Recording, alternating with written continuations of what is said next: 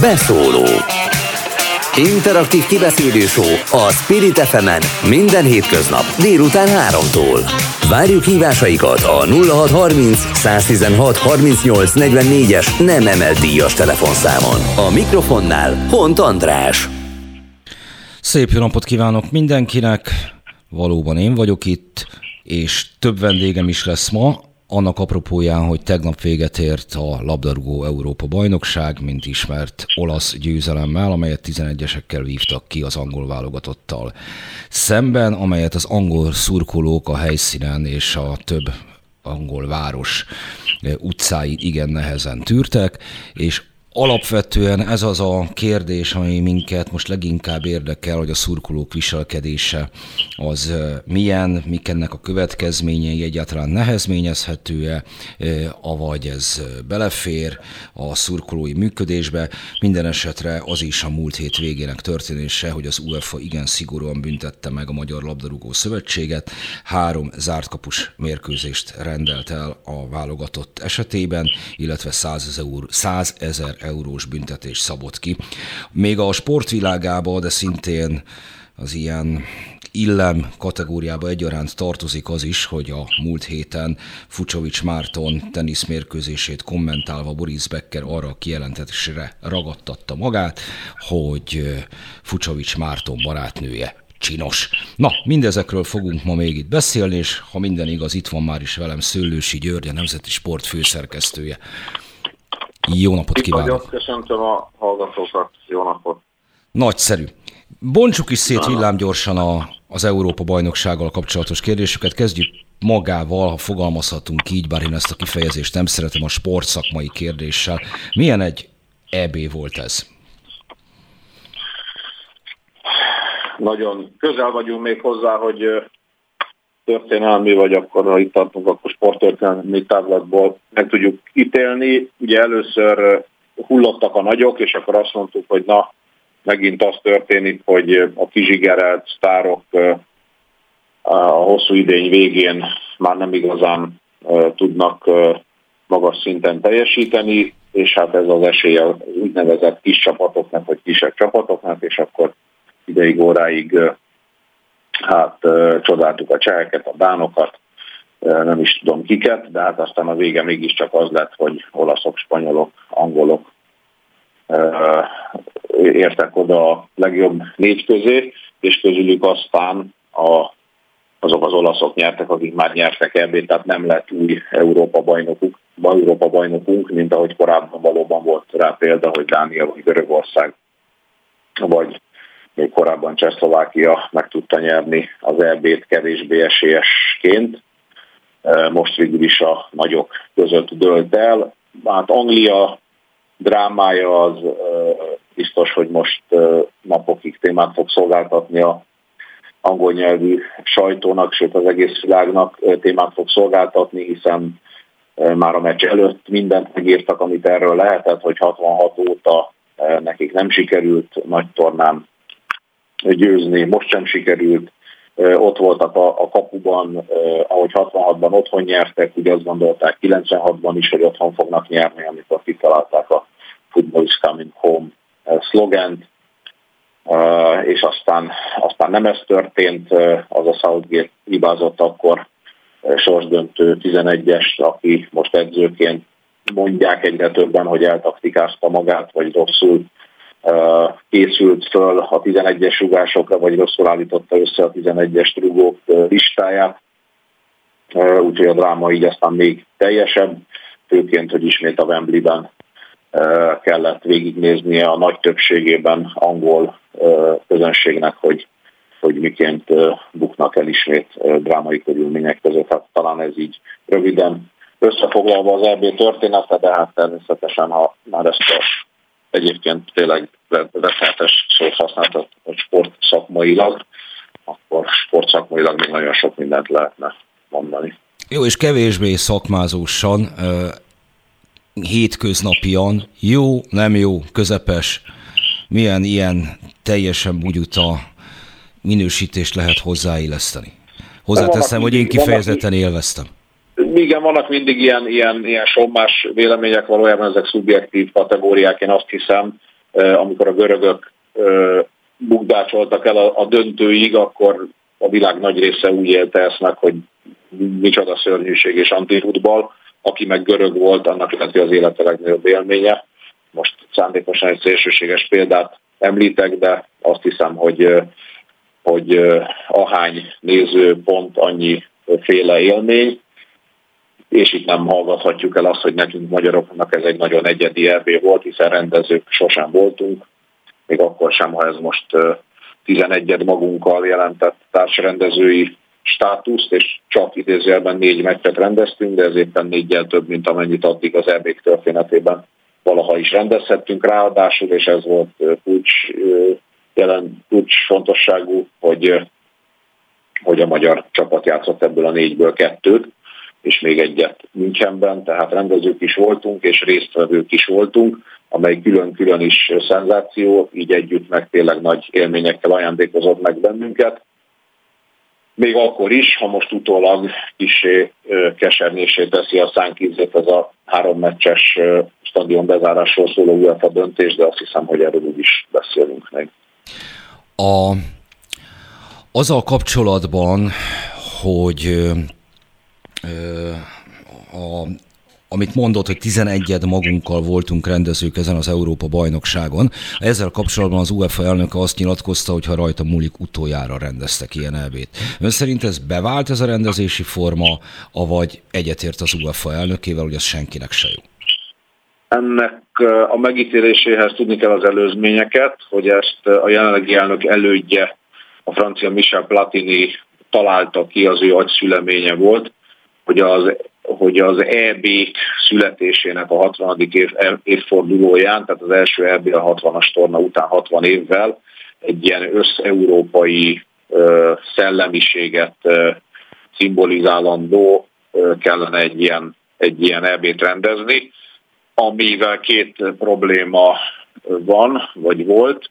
Az egyik, ami már akkor is látható volt, hogy miközben ezt az összeurópai élményt kínálta Latini a 12 rendezővárosnak, addig azért azt kilobbizta, elintézte, megszavazta UEFA elnökként, hogy a, ez előtti, tehát a 2016-os EB-t azt Franciaország rendezve egyedül, méghozzá az első 24 csapatos EB-t, ami hatalmas üzlet volt Franciaországnak, ha csak azt nézzük, hogy volt jó néhány olyan ország, amely korábban nem, vagy nagyon régóta nem jutott el az EB-re, és amelynek a szurkolói több tízezres létszámban rohamozták meg a olcsónak egyáltalán nem mondható Franciaországot, köztük voltak a magyar szurkolók is, de például az izlandiakat is említhetem, ahol ö, azzal vicceltek akkoriban, hogy kiürült szinte az ország, mert mindenki átutazott Franciaországba az EB-re, szóval ez egy hatalmas üzlet volt, egy egy országos ö, nagy ö,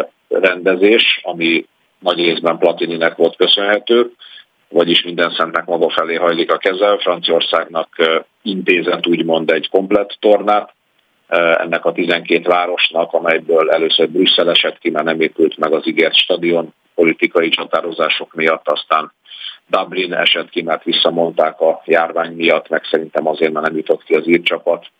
Aztán, aztán Bilbao esett ki, amely helyett Sevilla ugrott be egy másik spanyol város, szóval voltak vele problémák, amit Platini és ennek a, ennek a filozófiának a kitalálói nem tudhattak, hogy közben lesz egy világjárvány, ami pontosan ellentétes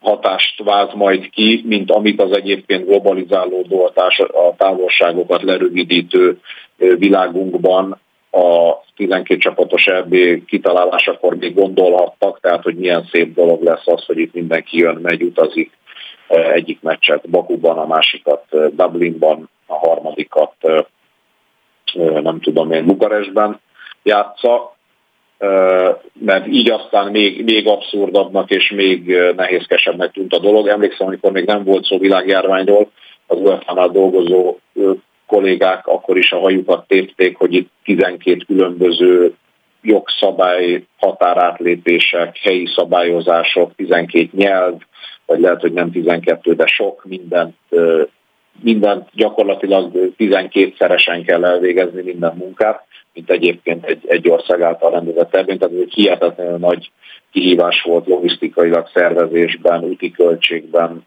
és sok minden másban.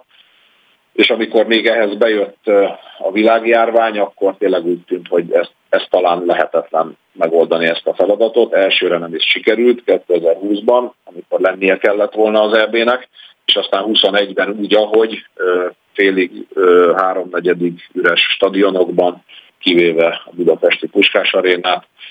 És, meg tegnap a Wembley-t meg tegnap a Wembley-t, ami nem volt ugyan teljesen tele, de éppen annyi nézőt engedtek be, hogy ne lehessen azt mondani az angoloknak, hogy akkor elvisszük Pestre a döntőt, tehát gyakorlatilag 67 ezeren voltak, amennyi a Puskás Aréna befogadó képesség a Wembley egyébként nagyobb, de le kellett mondaniuk például arról a csapatoknak, hogy a szurkolóik több tízezres létszámban elkísérjék őket idegenbeli meccsekre. Ez a legkevesebb esetben valósulhatott csak meg.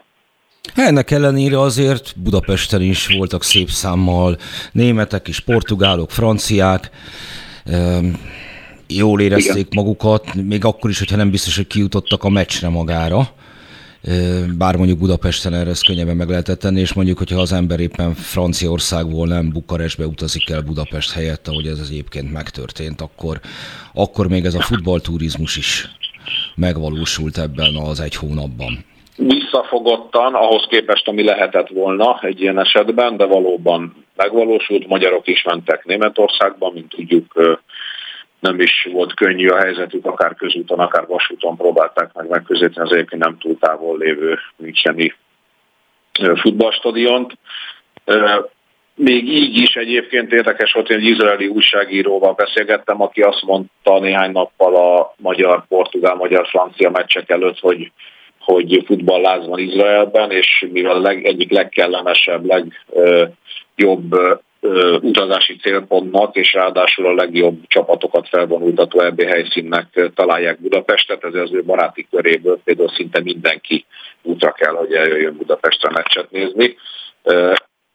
Nyilván a járványügyi korlátozások azért az ilyen jellegű futballturizmust erősen visszavetették, de érdekes lett volna. Tehát a, ami, amire Platini gondolt, hogy ez egy ilyen nagy össznépi jambori lesz, abból egy csomó mindent lehetetlené tett a, a, a vírus, és persze a legfontosabb ilyenkor mindig a tévénéző, mert a legnagyobb számban és a legnagyobb vásárlóerővel valójában a, a tévénéző van jelen, jelen az erdén, és elsősorban minden arról szól, hogy a tévénézőt kiszolgálják, akinek tök mindegy, hogy Azerbajdzsánban vagy éppen Kopenhágában van az adott napon a meccs.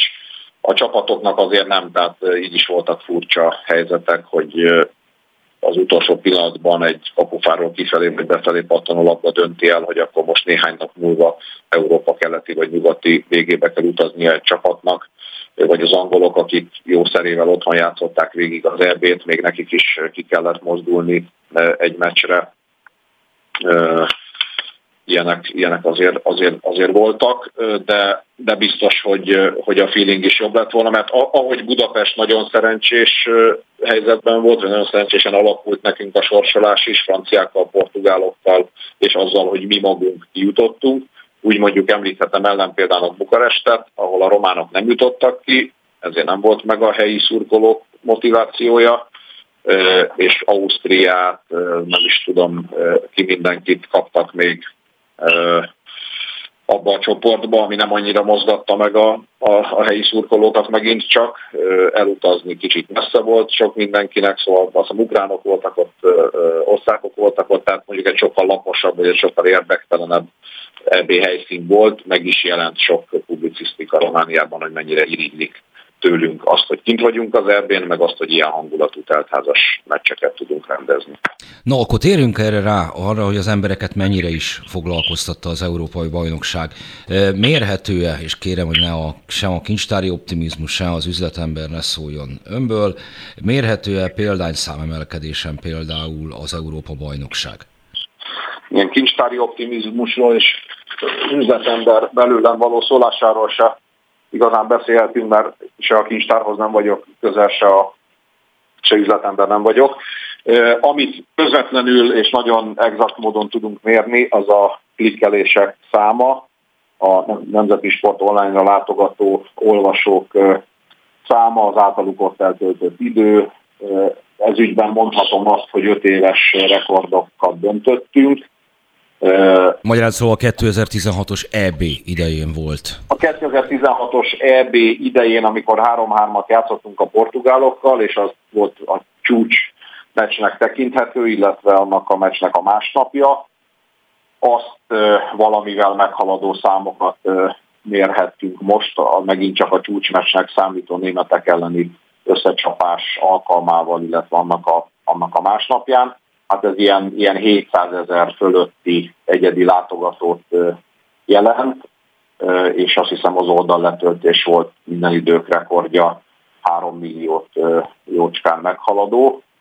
Tehát az a leegyszerűsítve az a 7000 ember több mint négyszer még tovább klikkelt a, a, a honlapunkon.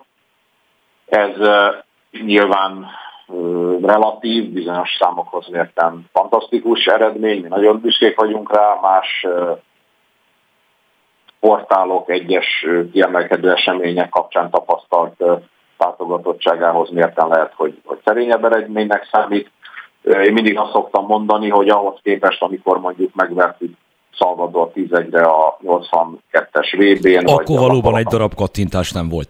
Tanúsítható. Akkor darab kattintás nem volt, de akkor, akkor viszont nagyon büszkék voltak a sok százezres eladott példányszámra, és ezzel kapcsolatban csak azt akarom mondani, hogy, hogy, hogy a, a táv, az az olvasótábor vagy szurkolótábor, amely a nemzeti sportot olvasta akkor, meg olvassa most, annak a létszáma egyáltalán nem csökkent, sőt, amivel, amivel mi jobbak vagyunk, az az, hogy, vagy előrébb, vagy nagyobbak a lehetőségeink, az az, hogy a világon bárhol élő magyarul olvasó emberek elérnek bennünket, tehát ennek a, ezeknek az előbb elmondott számoknak körülbelül, vagy több, így pontos, hogy több, mint a 10%-a nem Magyarországról kattint a, a nemzeti sportra, és ez egy jó dolog, hogy akár Angliában dolgozó magyarról, vagy Dunaszerdahelyen élő magyarról, vagy a világ másik végén élő magyar vállalatoknak szurkoló honfitársunkról van szó, ők is ugyanúgy hozzájutnak a nemzeti sport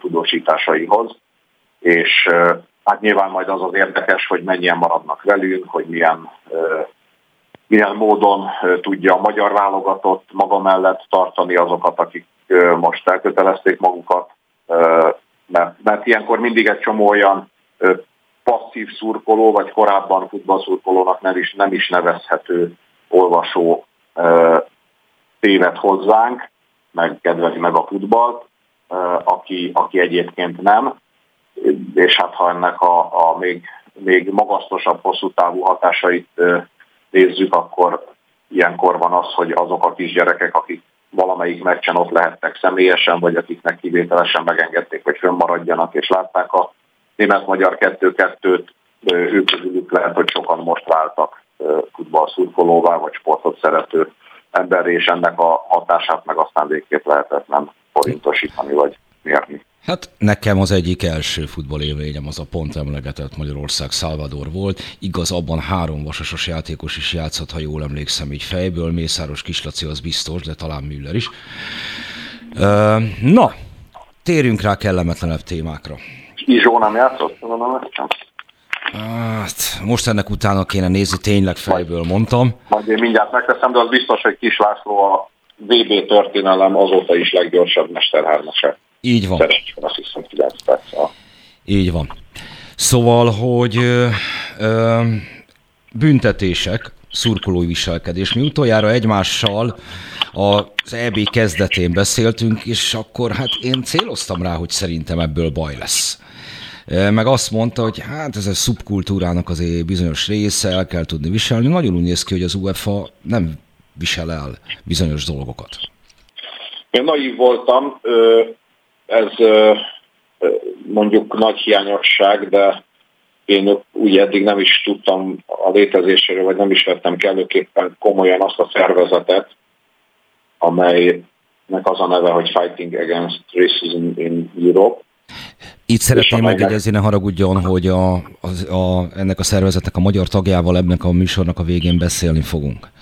Értem. Hát nagyon kíváncsi vagyok, hogy milyen érveket hoz majd föl, de amit eddig tudunk, és amire most legutóbb egyébként Szijjártó Péter külgazdaság és külügyminiszter úr reagált elég élesen, azt tényleg nehéz indulatok nélkül minősíteni, hogy mindenféle ilyen rejtett ügynökök azzal foglalkoznak, hogy Facebook posztokat vadásznak, meg, meg, meg kirekesztőnek minősíthető megnyilvánulásokat próbálnak képen és hangban rögzíteni, hogy aztán mondjuk két szalonképtelenül viselkedő szurkoló kirekesztőnek minősíthető rigmusai miatt ők aztán megbüntessék mind a 67 ezer nézőt, sőt tulajdonképpen, az, tulajdonképpen magát a válogatottat, vagy ha úgy tetszik magát a nemzetet, amely a válogatott mögött áll, és amelyiknek most már sokat szor kell azt a megalázó eljárást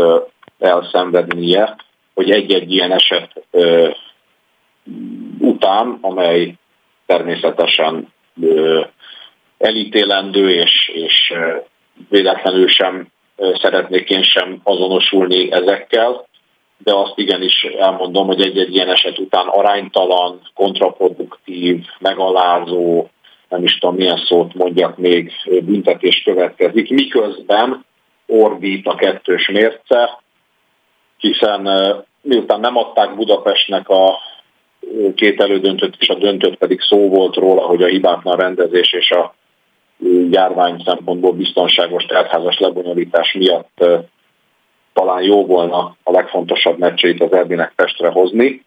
Végül is ez csak arra volt, hogy zsarolták velünk az angolokat, és enyhítettek az ő járványszabályaikon és a nézőtéri kapacitás korlátozáson.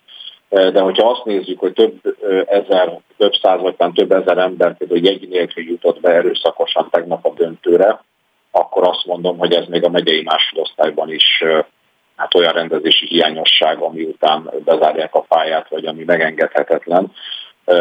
És hát nem beszélve arról, amikor, amikor közvetlenül a, a játékot, a játékosokat veszélyeztető cselekmények zajlanak a lelátón, tehát 11-es ugások közben a kapus szemébe világítanak mindenféle lézeres eszközökkel, vagy a magyar kapust Gulácsi Pétert megdobálják üdítős palackokkal, és akkor erre szerény pénzbüntetés a válasz, ha pedig a tömegben egyáltalán nem észrevehető, és az általános megítélés, az általános hangulatot egyáltalán nem befolyásoló módon valaki fölmutat egy anti-LMBTQ táblát, és ezt megint csak valaki dokumentálja és feljelent bennünket az UEFA-nál, akkor ilyen kollektív büntetést alkalmazva bezárják a stadiont, miután mindenki úgy emlékszik vissza a Pesti meccsekre, még az ellenfeleink szurkolói is, hogy milyen fantasztikus hangulat volt, kitűnő rendezés,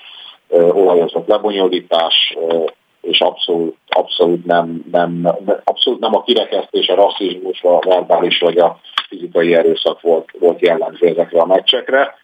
Ezeknek elszigetelt egyes esetei is természetesen, természetesen szomorúak, de itt már tényleg ilyen, ilyen, ilyen inkvizíciós módszerekről és, és, és őrületről, vagy, vagy, vagy, vagy nem is tudom, minek nevezem, ezt lehet beszélni, amikor, amikor, amikor látjuk, hogy milyen cselekményekért milyen büntetéseket szab ki az UEFA. Hadd legyek én itt az ördög ügyvédje, vagy az UEFA ügyvédje, bár tudom azt, hogy egyes magyar szurkolói csoportoknál ez egy és ugyanaz jelenleg, de azt azért szögezzük le, hogy itt két különböző dologról beszélünk. Stadionbiztonság, a csapatoknak a fizikai védelme egyfelől, másfelől pedig az a igen erős policia az UEFA-nak, illetve a különböző nemzeti szövetségeknek, illetve a FIFA-nak is, amit évtizedek óta próbálnak következetesen végigvinni, hogy mindenféle gyűlöletgócokat tartsanak távol a stadiontól, mert hát hiszen az egyszer már tragédiához vezetett, nem is egyszer, de egyszer nagyon látványos tragédiához vezetett. Így cserélték le például Nagy-Britannia szerte a futballmeccsek közönségét, a, miután a kupacsapatokat pár évre száműzték, Európa porondjáról már, mint a brit kupa, angol kupacsapatokat száműzték az európai kupaporondról, És ennyiben az UEFA, amelynek égisze alatt szervezik ezeket az eseményeket, mint például egy profi box szövetség, az eldöntheti, hogy kit akar látni a saját rendezvényein. Ez így van. A, a, az UEFA volt mégis az, illetve a FIFA, amelyik a sokáig valóban következetesen és viszonylag hitelesen képviselt zéró tolerancia elvet hát fellazította, és saját maga hozott, vagy engedett olyan kivételeket, politikai véleménynyilvánításra, amelyről persze azt mondják, hogy nem politikai véleménynyilvánítás, és, és, és általánosan elfogadandó és követendő jelkép mondjuk a, a LMBTQ közösségek jogait képviselő szivárvány megjelenítése a stadionokban. Ez a hatalmas hibát követett el, szerintem a, a szövetség, illetve a FIFA konkrétan állásfoglalást adott ki, hogy a BLM mozgalommal szimpatizálóknak a különböző megnyilvánulásait, bár ugyanolyan politikai megnyilvánulásnak számít, mint minden más, amit évtizedek óta valóban következetesen e, tiltottak. Ezeket hát most mégiscsak meg kellene engedni. Tehát ez volt a kettős mércének a, a megjelenése, végtelen cinizmus és végtelen arrogancia azokkal, mondjuk csak azokkal a vallási közösségekkel szemben, amelyek nem kis létszámot képviselnek az UEFA-n és a FIFA-n belül, és amelyek számára vallásilag tiltott mondjuk a homoszexuális kapcsolat, és nyilván annak a népszerűsítése is. Tehát ez egy, ez egy rendkívül nehéz kérdés, de pont azért... Ne, ne, ne ez ebbe azért nem menjünk bele. Szóval ez ennyi szóval vitatott kérdés igen, az, szerintem mondom, nem vitatott, hogy nem bele. lehet népszerűsíteni a homoszexuális kapcsolatot, azt lehet népszerűsíteni, hogy a homoszexuális emberek is ugyanannyi emberi méltósággal rendelkeznek, mint bárki más. Ezt lehet népszerűsíteni, ezért lehet. Hát igen, csak már, már nagyon régóta sajnos nem erről szól ez a jelkép. És pontosan az UEFA volt az, amelyikkel abban abban fájó szívvel bár, hiszen mindenki szeretné a, a meggyőződését az általa egyértelműen pozitívnak tartott ö, ö, törekvéseit felerősíteni a sport népszerűsége révén, de minden szereplő kénytelen volt azt elfogadni, hogy ennek nem a futballpálya a helye. Tehát sem a, a Tibet szabadságáért, sem a sem Palesztina szabadságáért, sem uh, Trianon revíziójáért, és még millió más esetet mondhatnék, vagy mondom, akár vallási kérdések, vagy akár konkrét aktuálpolitikai vitákat. Nem viszünk be a futballpályára, mert ezekben lehetetlen igazságot tenni általában, illetve az egyik fél igaza az óhatatlanul a másik fél sérelme, és éppen ezért mondta sokáig azt az UEFA és a FIFA, hogy nem semmi ilyesmi. És ennek ellenére most elkezdtek kivételeket tenni, mert valamilyen ismeretlen, és innentől jön sajnos bele a nagy politika,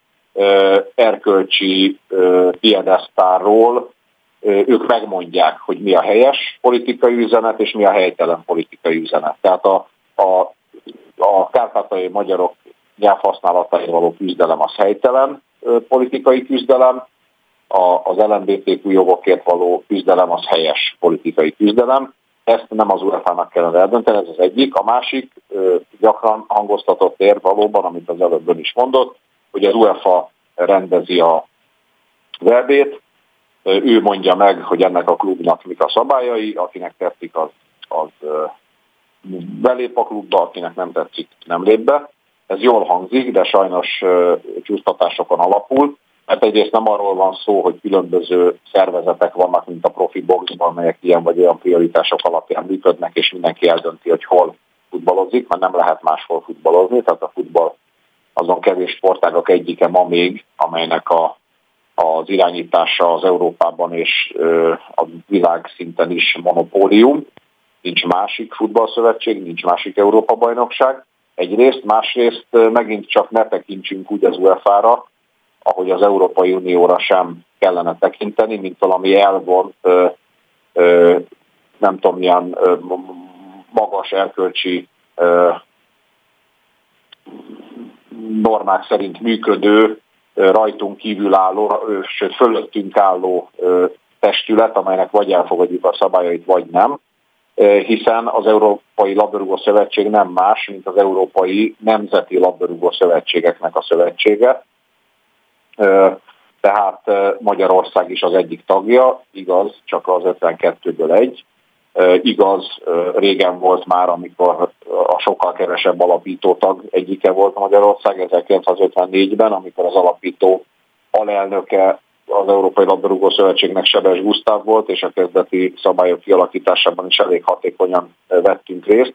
Tehát az UEFA azok mi is vagyunk, még hogyha csak is részben is, és hogyha azt látjuk, mert egyébként azt látjuk, hogy ezek a zártkapus döntések az UEFA saját szabályai alapján nem túlzóak, tehát a Fegyelmi Bizottság tagjainak, ha úgy tetszik, még csak nem is nagyon volt mozgástere, a szabályok alapján valóban ilyen döntést kellett hozniuk, de akkor ne... De igen, ezt ismételjük, azért kellett, mert Magyarország visszaeső, ez a negyedik olyan alkalom már, amikor szurkolói viselkedés miatt kell zárt kapus mérkőzést elrendelni. Így van, de nagyon sok esetben hasonló ö, dolgot, az egyik legismertebb példa, amikor egy Magyarország-Izrael barátságos mérkőzés miatt azon megjelenő százfős nagyságrendű létszámú csoport miatt, amelynek a tagjai egyébként nem is járnak futballmeccsre, csak ezt az alkalmat tartották jó lehetőségnek arra, hogy provokáljanak. Ők nem tudom milyen Izrael ellenes vagy antiszemita jelszavakat skandáltak, ami miatt aztán mi egy tétmérkőzésen a románok elleni nagyon fontos azt hiszem VB selejtezőn zárt mögött kellett, hogy játszunk. Nem mentegetni akarom az esetet, hanem arra akarom felhívni a figyelmet, hogy nagyon nehéz az ilyesmit megelőzni. Tehát mint ahogy azt igenis meg lehet előzni, hogy belépőjegy nélkül bejussanak nagy létszámban a stadionba, ahogy ez tegnap az EB döntőn megtörtént, ami egyszerűen felfoghatatlan rendezési hiányosság.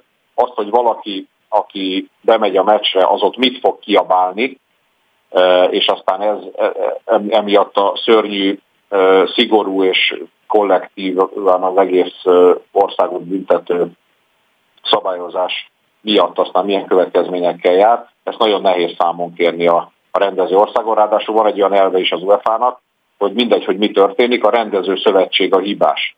Na most ehhez képest az EB-t magát, azt az UEFA rendezi, minden jogot magához von, teljességgel kisajátítja a stadiont, minden az ő szabályai szerint történik, majd ilyenkor mégsem saját magát bünteti, hanem ilyenkor is a, a Magyar Labdarúgó Szövetséget, de, hogy a kettős mércére még egy példát hozzak, amikor nagyon súlyos, nagyon, nagyon fájdalmas provokációként a magyar himnusz éneklése közben rohan szivárványos zászlóval a pályára egy szurkoló, azért, hogy megzavarja a magyar himnuszt, és hogy, és hogy az egész világ figyelmét magára vonva ott zászlót lobogtasson a szívükre tett kezükkel a magyar himnuszt éneklő játékosokat, akkor cinikusan az UEFA azt a választ adja a Nemzeti Sport hivatalos kérdésére, miszerint vizsgálják ezt az esetet, hogy nem, nem vizsgálják. Tehát az rendezési hiányosság, hiszen az az, az, az ember éppenséggel le is üthetett volna valakit, hogyha más célral szaladt volna be a pályára, keresztül futott az egész pályán, 50 méter tett meg, mire egyáltalán egy rendező a közelébe került, tehát persze most már hajlamos az ember összeesküvés elméleteket gyártani, de azt sem lehet kizárni, hogy összejátszottak a rendezők és a demonstrálók. Szóval ezek, ezek azok a, a jelenségek, amelyek, amelyek hiteltelenné és, és, és rendkívül durvává teszik azt, amit az UEFA csinál, tényleg nehéz más mondani. Jó, erről még fogunk vitatkozni. Nekem egyetlen egy gyors kérdésem van, mert már is itt van velünk a következő vendégem. Ön úgyis, mint a minek a nagykövete pontosan, Puskás? Puskás ügyek és a magyar futballhagyomány. Igen. Ilyen minőségében is, meg hát talán a régi ismerettség okán is szokott mostanság találkozni a miniszterelnökkel?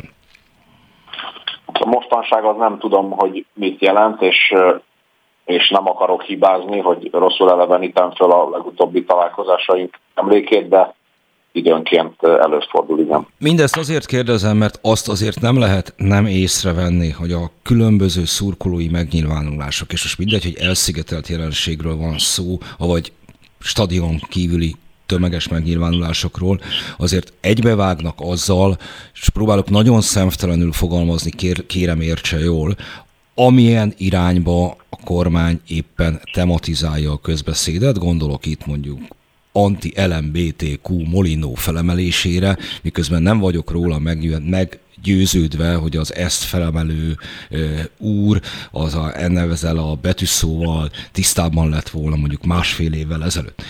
Ezt azért kérdezem, mert hogy persze az, hogy Csányi Sándor levelet ír a szurkolóknak, az érthető, de szemlátomást nagyobb hatása lenne annak, hogyha mondjuk egy ilyen alkalom előtt ráadásul, amikor ennyire fontos a magyar labdarúgásnak, hogy legyen teltházas mérkőzés, akkor talán célszerű lenne a miniszterelnök kérné meg a szurkolókat arra, hogy tartózkodjanak bizonyos megnyilvánulásoktól, nem?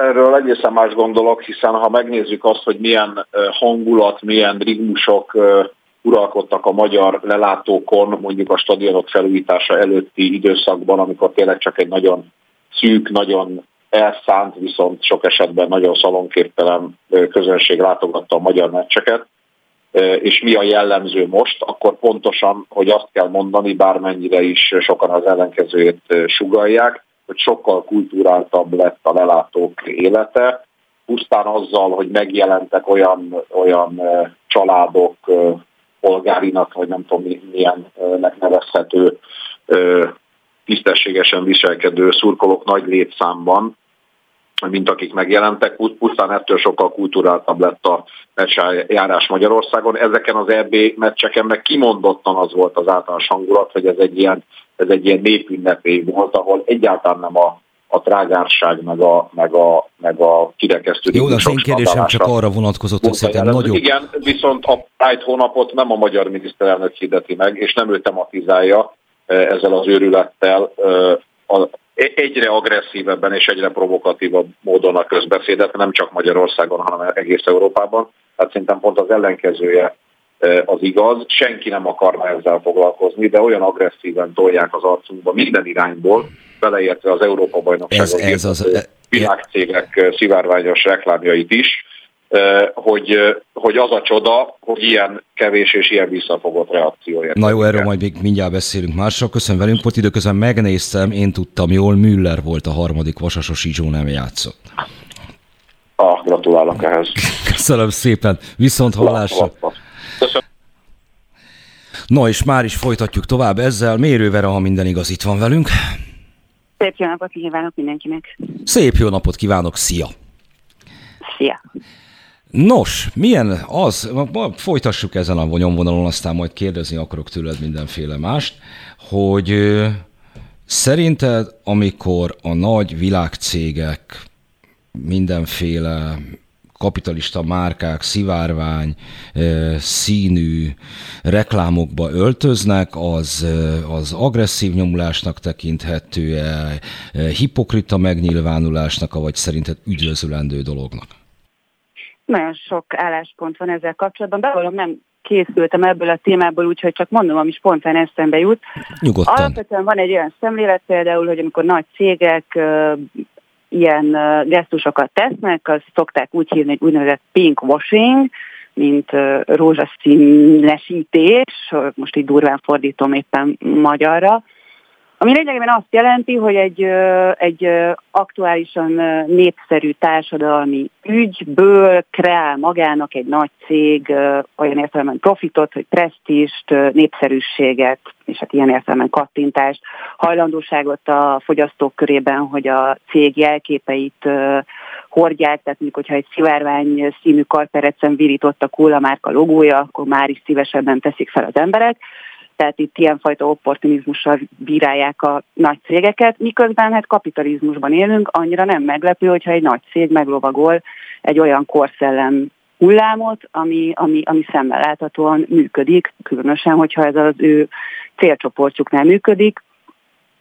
A drága automárkák esetében ez kevésbé egyértelmű és biztosított, bár valószínű azért ott is bőven van ennek terepe, de hát a fiatalos márkáknak meg szinte nincs is nagyon más választásuk, mint foglalkozni ezzel a témával, csak én nem gondolom azt, hogy ez baj, és azt se gondolnám, hogy ez agresszív, mert, mert agre- mi, mi, mi számít agressziónak? Tehát amikor azt mondom valakinek, hogy te rossz vagy, de ezek általában nem értékek elleni kiállások szoktak lenni, hanem értékek melletti állásfoglalások, én azért azt gondolnám, hogy az, az ilyesmi az viszonylag nehezen tud agresszív lenni, pláne hogyha itt alapvetően azért emberi jogokról van szó, és nem valami ordas eszméről.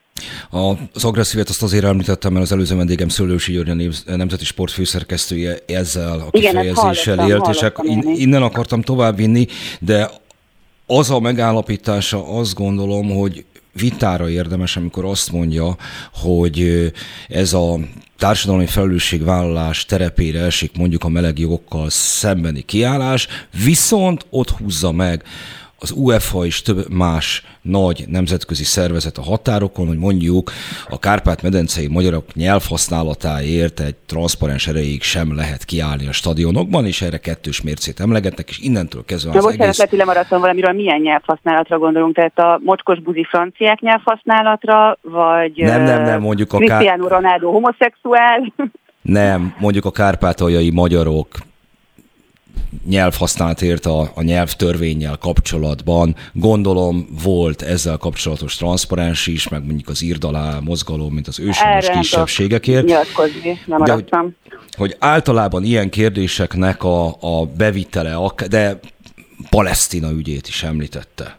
Ez, ez, ez politika, e, viszont melegjogok meg nem politika. Ez, ez így tényleg kettőség, és mondjuk nekem kifejezetten a liberális szólás szabadság. Nincs kettőség, András, hogyha belegondolsz, akkor ha úgy tekintünk az emberi jogokra, mint olyan alapvetésre, ami az emberiség közös minimuma, amiben mindannyian egyként hihetünk, és nem kell vitatkozni azon, hogy minden embert megillet a méltósághoz fűződő joga, minden embert megillet az, hogy békében élhessen, szeretetben azzal, akivel szeretne. Tehát ezek olyan univerzális értékek, amik, hogyha egy minimális társadalmi együttérést szeretnénk fenntartani, akkor nem képezhetik vita tárgyát. Minden egyéb, ami, ami, ami legitim módon mondjuk különböző oldali politikusok mondják egyik dolgot, és a másik oldalon meg annak az ellenkezőjét, és aztán erről legitim módon a nép szavazhat, hogy melyik a szimpatikus. Ezek azok, amik vita alapját képezhetik, de mondjuk az emberi méltósághoz fűződő jog lehetőleg ne képezze vita alapját. De én ebbe beleértem azt hiszem, hogy az anyanyelvemen fűződő való állami ügyintézés jogát is. Ez abszolút ide tartozik, ezzel mélységesen egyetértek. Sőt, én azt is mondom egyébként, hogy ha én azt szeretném, hogy az én tragédiámat legyen az én tragédiám bármi, más elismerje, akkor az ahhoz vezető útnak egy fontos lépése az, hogy én képes legyek elismerni a más tragédiáját magaméként. Lehet, hogy mondjuk konkrétan éppen az embernek nincsen határon túlélő rokona, ettől még átérezheti a szomszédja fájdalmát, akinek meg van. Szóval szerintem ezek a fajta szolidaritások a társadalmi együttérés, sikeres társadalmi együttérés alapjai. Ebben én azt hiszem maximálisan egyetértek veled, ettől függetlenül amire ilyenkor utalnak, és egyébként nyilvánvalóan belpolitikai okokból nem csupán Magyarországon, hanem több más helyen is ezt azért használják, az az, hogy az egyik belefér, a másik nem, az egyikre azt mondják, hogy hm, az eldöntendő politikai tartalmaz kérdés. gyűlöletet az adott kijelentés, vagy nem? Ha tartalmaz, akkor problémás, ha nem tartalmaz, akkor rendben van. Valószínűleg Mi... egyébként ez egy jó vízválasztó. Hát én azt nem tudom, mert a, a, a gyűlölet szerintem nem exakt fogalom, és alapvetően nem a kijelentés tartalmaz gyűlöletet, hanem azok, akik, akik, akik negatív, mondják. Negatív töltetű indulat, vagy bármilyen indulat. Az szerintem az például egy ilyen jó, jó lakmusza annak, hogy, hogy, hogy akkor ez most biztos, hogy oké, okay, vagy, vagy, vagy, vagy lehet, hogy netes. Hát vagy az egyik fele az, hogy attól függ, hogy necces, meg kell-e hallania, vagy sem. Hagyjuk, hogy perifériális jelenség legyen, e, és akkor nem kell vele foglalkozni, vagy perifériális jelenségekkel kapcsolatban is felvenni a, a küzdelmet. Ezek, ezek mind olyan viták, amelyek szerintem egyébként a megvitatása az különböző nagy nemzetközi szervezetek vonatkozó testületében is releváns Emberi kérdés. Jogi szervezetek nem szeretnek ordas eszmék mellett félrenézni, akkor sem, hogyha azt marginális csoportok hirdetik. Ennek ellenére például más emberi jogi szervezetek meg kiállnak a gyűlöletbeszéd szabadsága mellett is. Hát Mert... ez, nem tudom, miféle emberi jogi szervezetekre gondolsz most, akik a gyűlöletbeszéd szabadsága mellett állnak ki. Hát, mint ez például az amerikai legfelsőbb bíróság, vagy, vagy, vagy, vagy a Sólyom László vezette első alkotmánybíróság, vagy éppen Kis János vonatkozó műve igaz, hogy ők ezek nem, nem szervezetek. emberi jogi szervezetek, ezek jogalkotó testületek, illetve jogellenőrző testületek, illetve a, a joggyakorlatának biztosítását szolgáltató testületek, de az emberi jogi szervezetek azért alapvetően emberi jogokra fókuszálnak. Stimmel, de én most itt alapvetően a stadionnál és a tiltásnál voltam, és arról, hogy mi az, amit, amit igen, te hoztad be az emberi jogi szervezeteket, és az, hogy, hogy mi az, ami, ami mellett nem szeretnek elmenni, meg a tiltás felől közelítettem, hogy az UEFA betilthatja el vagy sem. No de, hogy egy ilyen kérdésnél vagyunk egy sokkal enyhébb, már-már-már mulatságos példában, nem rasszizmus, hanem szexizmus vágyát vonta magára Boris Becker, szintén a múlt héten, és szintén magyar vonatkozású hír. Hát mondta magára, vagy ö, sütötték rá, ez azért egy egyébként izgalmas kérdés, és ö, ez az eset ez mindenképpen egy nagyon izgalmas eset olyan szempontból, hogy ez egy abszolút határérték, ö, mert ha ugye mit mondott Boris Becker, bocsáss meg, hogy félbe szakítalak nagy lelkesen, hogy azt, meg, azt szeretem mondani egy nőre, egy kivetítő megjelenített személyre, hogy csinos nő. Tehát nem mondott semmi égbe kiáltót. De gondolom te is egyetértesz, nem? Hogy ez, ez az úgy azért nem egy halálos mondat. Hát, abban az esetben, ha ez halálos mondat, én már sokszorosan nem élnék. Na, és akkor uh, itt történt egy ilyen óriási nagy kommunikációs uh, gubanc. Megszólaltak uh, a jogi szervezetek, ezen belül uh, talán a legészrevettebb módon tette ezt a, a nők a sportban nőjogi szervezet, és uh, szexizmussal vádolták Bekert. És na, innentől nagyon-nagyon félrement a kommunikáció, mert hát mi vitatkozunk azon, hogy szexista mm, vállalhatatlan dolog-e azt mondani valakire, hogy csinos. Hát nyilvánvalóan nem. Mert hogy ez nem egy vállalhatatlan dolog. Én azt gondolom, hogy egy sportkommentátor teljesítményében a, a sportkommentátori, tehát a sport tevékenységet illető meglátások azok, amik, amik minőségjelzők lehetnek. Egy ilyen megjegyzés, hogy valaki csinos, az mondjuk tök fölösleges, de semmi eset se tragikus. Ha valakit mutat éppen hosszan a kivetítő, ami nyilván nem a kommentátor döntés, hogy mit mutat a, a kivetítő, akkor megjegyezni azt, hogy hát igen, akit most látunk, azt azért látjuk ilyen hosszan, mert hogy a, a pályán játszó egyik játékosnak a, a partnere, akkor például ezzel a megjegyzéssel szerintem nincsen semmi baj, vagy én nehezen látom ezt problémásnak. És ott ment félre a kommunikáció, hogy arról kellett volna, ha valamiről itt tényleg, ha egyáltalán érdemes lett volna beszélni, hogy az nagyon nettes már viszont, hogy ott van egy ember a kivetítőn, nekem van a kezemben egy mikrofon, neki nincs, és én elkezdek a külsejéről beszélni annak az embernek, aki erre semmilyen módon nem tud reagálni.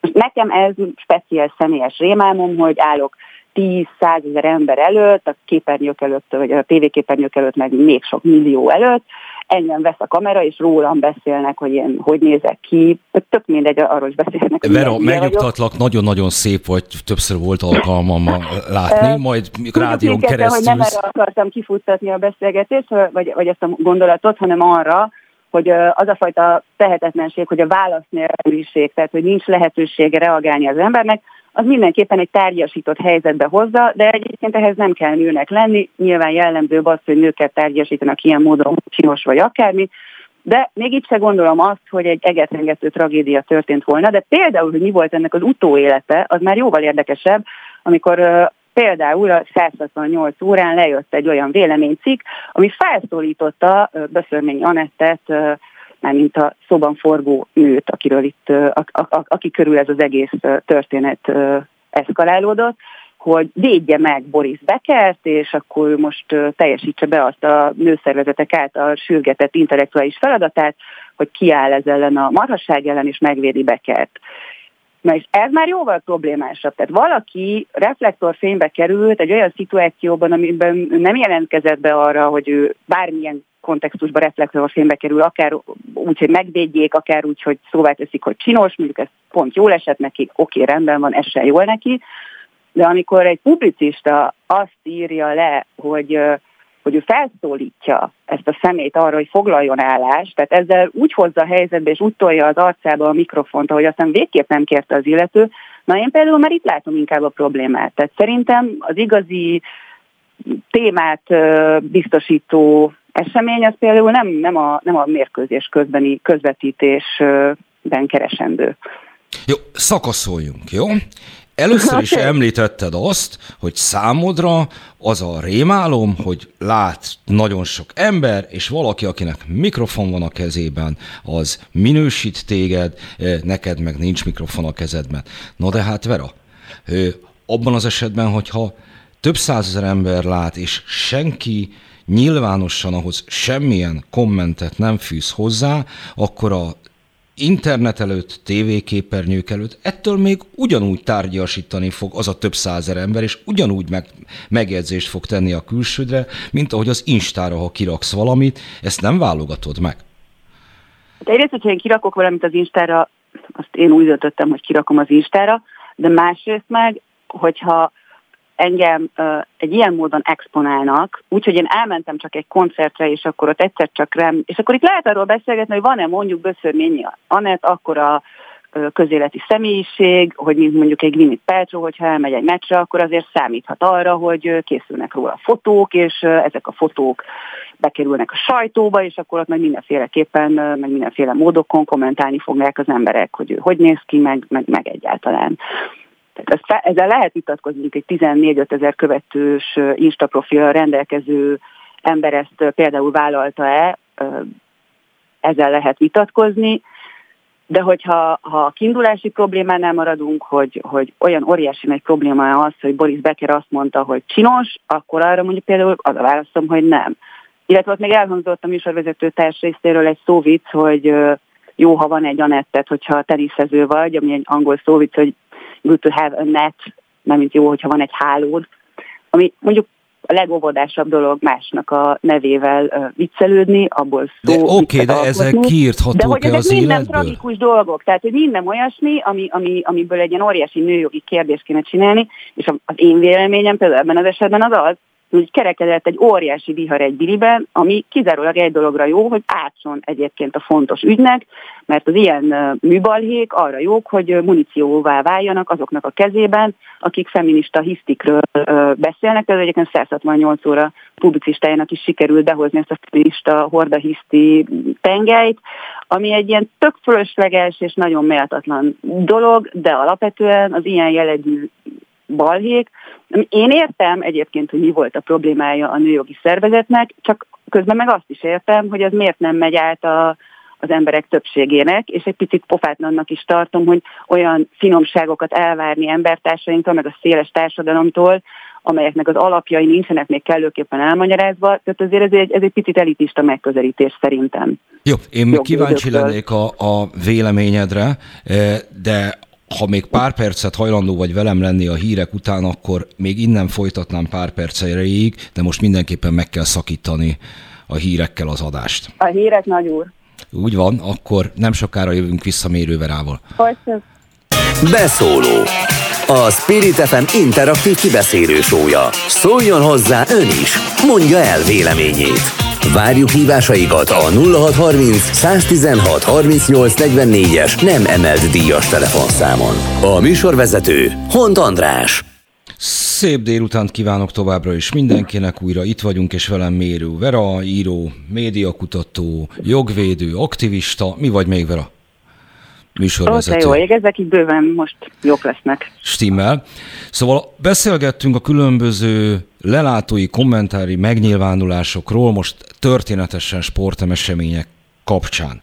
E, ugye abban egyetértünk, hogy vita kérdések, e, azok a szürke zónában szoktak előfordulni, az, hogy mi az egyértelmű, ledarálunk minden román csecsemőt, ahogy énekelni szokták. Bizonyos úgynevezett szurkolók, e, vagy mit tudom én, a, a, a nőkkel ezt meg azt kell tenni, ezek az egyértelmű esetek közé tartoznak. Minden, ami, amiről vitázunk, az, az a határeseti kérdés, nem? Többnyire. Mm, sokszor, igen. Na most, hogy kérdés az, hogy ezekről kell egyáltalán e, ilyen vitázni, hogy meg lehet-e azt célszerű, nem is ez meg lehet-e, jól járunk-e azzal, ha minden olyan kijelentést, ami adott esetben bunkó, bizonyos embereknek nem is esik jól hallani. Pontosan a határeseti mi volt a miatt száműzünk a lelátókról, a kommentátor szobákból, a tévéstúdiókból és a többiből, hogy ezzel nem fosztjuk-e magunkat meg számtalan más dologról, hogy érthető legyen, mire gondolok, szá- akár származástechnikai okokból még érzékenyen is reagálhatnék zsidó viccekre, és van olyan, ami adott esetben hát hogy is mondjam, nem a legildomosabb. Én azt gondolom, hogy ezt nem akarom ezzel veszteség ér, mert hát történetesen a humor az pontosan olyan valami, ami a legtipikusabb karakterjegyeket veszi célva, akár Nagyon egy értem. szép nőnél, akár egy népcsoportnál, és hogy ettől nem lehet is sterilizálni az életet. De anélkül, hogyha belegondolsz, mint humorra rendelkező ember, akkor az igazán jó humor az, az úgy igazából nem bánt senkit. De vagy, figyelj, vagy úgy bán, de. hogy, hogy az, akit bánthatna, nem magát érzi támadva, hanem, hanem tud maga is akár nevetni azon, amit akár magára is vehetne. Tehát a jó humor az van annyira kifinomult és van annyira intelligens, hogy hogyha valakit akár bánthatna is, azért annyira idézőjelbe van téve, annyira meta-meta mégis, hogy, hogy nem, nem egy másik méltóságát érő direkt támadás. De Vera, azt nem lehet előírni, ki írja azt elő? Hogy ez miért marhasság, ha, ha meg mégis. De érted, az kiírja elő, hogy csak humorral rendelkező emberek próbáljanak meg viccelni. Nekem nem volna ellenemre, ha egy ilyen szabályt bevezetnének, csak attól félek, hogy pontosan humortalan emberek Igen, fogják ezt ellenőrizni. Igen, rendszert építenék, akkor azt hiszem, hogy a humorérzéket a nyilvános meg, meg, megszólalások elé én is oda bigyezteném, mint egy ilyen beugró elvárás de persze nem lehet elvárni, hogy mindenki kifinomult és érzékeny humorral dolgozzon és éppen ezért kell valamiféle konszenzusra jutni, hogy, hogy, hogy mi az, ami, ami még belefér, mi az, ami egyébként a humor eszköztárában jog, joggal tart uh, igényt, vagy, vagy joggal várja el, hogy legyen neki helye, és mi az, amire azt mondjuk, hogy hát azért ilyesmivel nem viccelünk. Ahogy mondjuk akasztott ember házában kötéllel nem szokás. Hát vagy bizonyos idő elteltével. Vagy amikor, ez már, amikor az már történelmi tapasztalat. Epizód, hogy most már röhöghetünk-e, le, lehet-e már holokauszt vicceket csinálni, ez körülbelül egy olyan 10-15 éves South Park rész, amikor ezen, ezen megy igen, a tanakodás, hogy mennyi idővel szab, eltelt Igen, de pont ezt akarom mondani, az a konszenzus, hogy na jó, ezzel még azért nem. Jó, csak pont ezt mondom, hogy ezekre, ezekre nincsenek ilyen egyértelmű szabályok, és nem is lehetnek, és szerintem, mint emberek nagyon nagy kárt okoznánk magunknak azzal, hogyha megpróbálnánk szabályokat kiötleni. Hát szerintem azzal okozunk nagyon nagy kárt magunknak, hogyha, hogyha bizonyos kérdésekből éles vitákat generálunk, ahelyett, hogy megpróbálnánk elmagyarázni egymásnak azt, hogy figyelj, szerintem ez azért necces, mert szerintem meg azért ö, probléma, hogyha ezt a necces térfélre szorítjuk, mert és akkor egy szép lassan esetleg megértjük egymás álláspontjait, és abból még mindig előbb és valószínűbben fog kijönni valami mindenki által élhető elgondolás, mint abból, hogy minden áron rá akarjuk kényszeríteni a másikat, hogy értsen egyet velünk. Jó, de ez egyébként igaz az általad előtt gyűlölet kategóriában vont egyes feliratoknak készítőire, és akkor tudsz vele vitába szállni, hogy egyébként látod a véleményét. Igen, és akkor itt jön be az a kérdés, ami egy szintén sokat vitatott kérdés, nekem van egy viszonylag egyértelmű állásfoglalásom ebben, hogy lehet-e a gyűlölet beszéd vélemény. És hát akkor itt egy alapvető szólásszabadság kérdéshez jutunk el, hogy meddig tartat a szólásszabadságot, hát ugye addig, amíg például nem alkalmazol benne a megnyilvánulásaidban gyűlöletbeszédet, nem uszítasz sérülékeny csoportok ellen, mert hogy, mert hogy ezekkel, mert hogy a szólásszabadság az nem csak egy jog, hanem egy felelősség is, és bizony az, az nem egy elidegeníthetetlen jog, tehát az élethez való, a méltósághoz való jog, ezek elidegeníthetetlen jogok, a szólásszabadság ilyen értelemben nem az. Szerinted?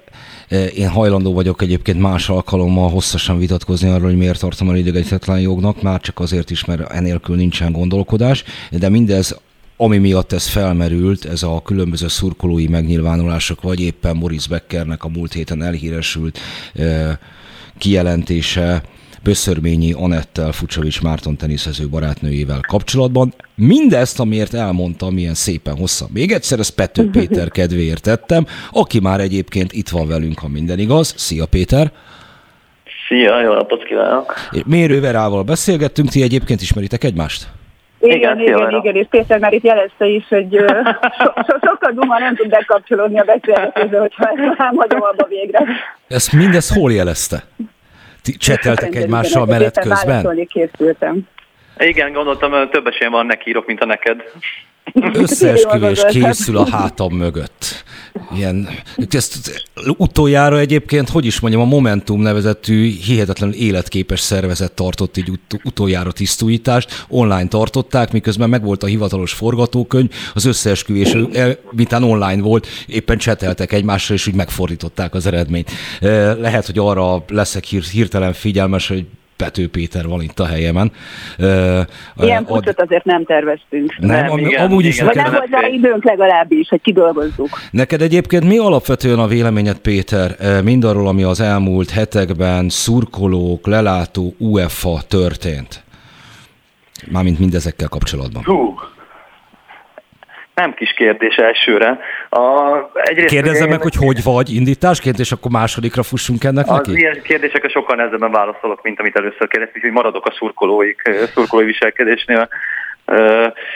Én kivoltam mind a két meccsen egyébként a stadionban, és az az igazság, hogy egy alkalommal sem hallottam olyan típusú, mármint, hogy biztos volt olyan ember, olyan ember volt, aki énekelte mondjuk Cristiano Ronaldo szexuális identitásával összefüggő nótát, de azt, hogy ez... Hogy Vélelmezett szexuális vagy... identitásával kapcsolatos. Ja, bocsánat, igen, igen, igen, de hogy, hogy, hogy ez rendszer szinten vagy szektor szinten ment volna, azt én biztosan nem hallottam.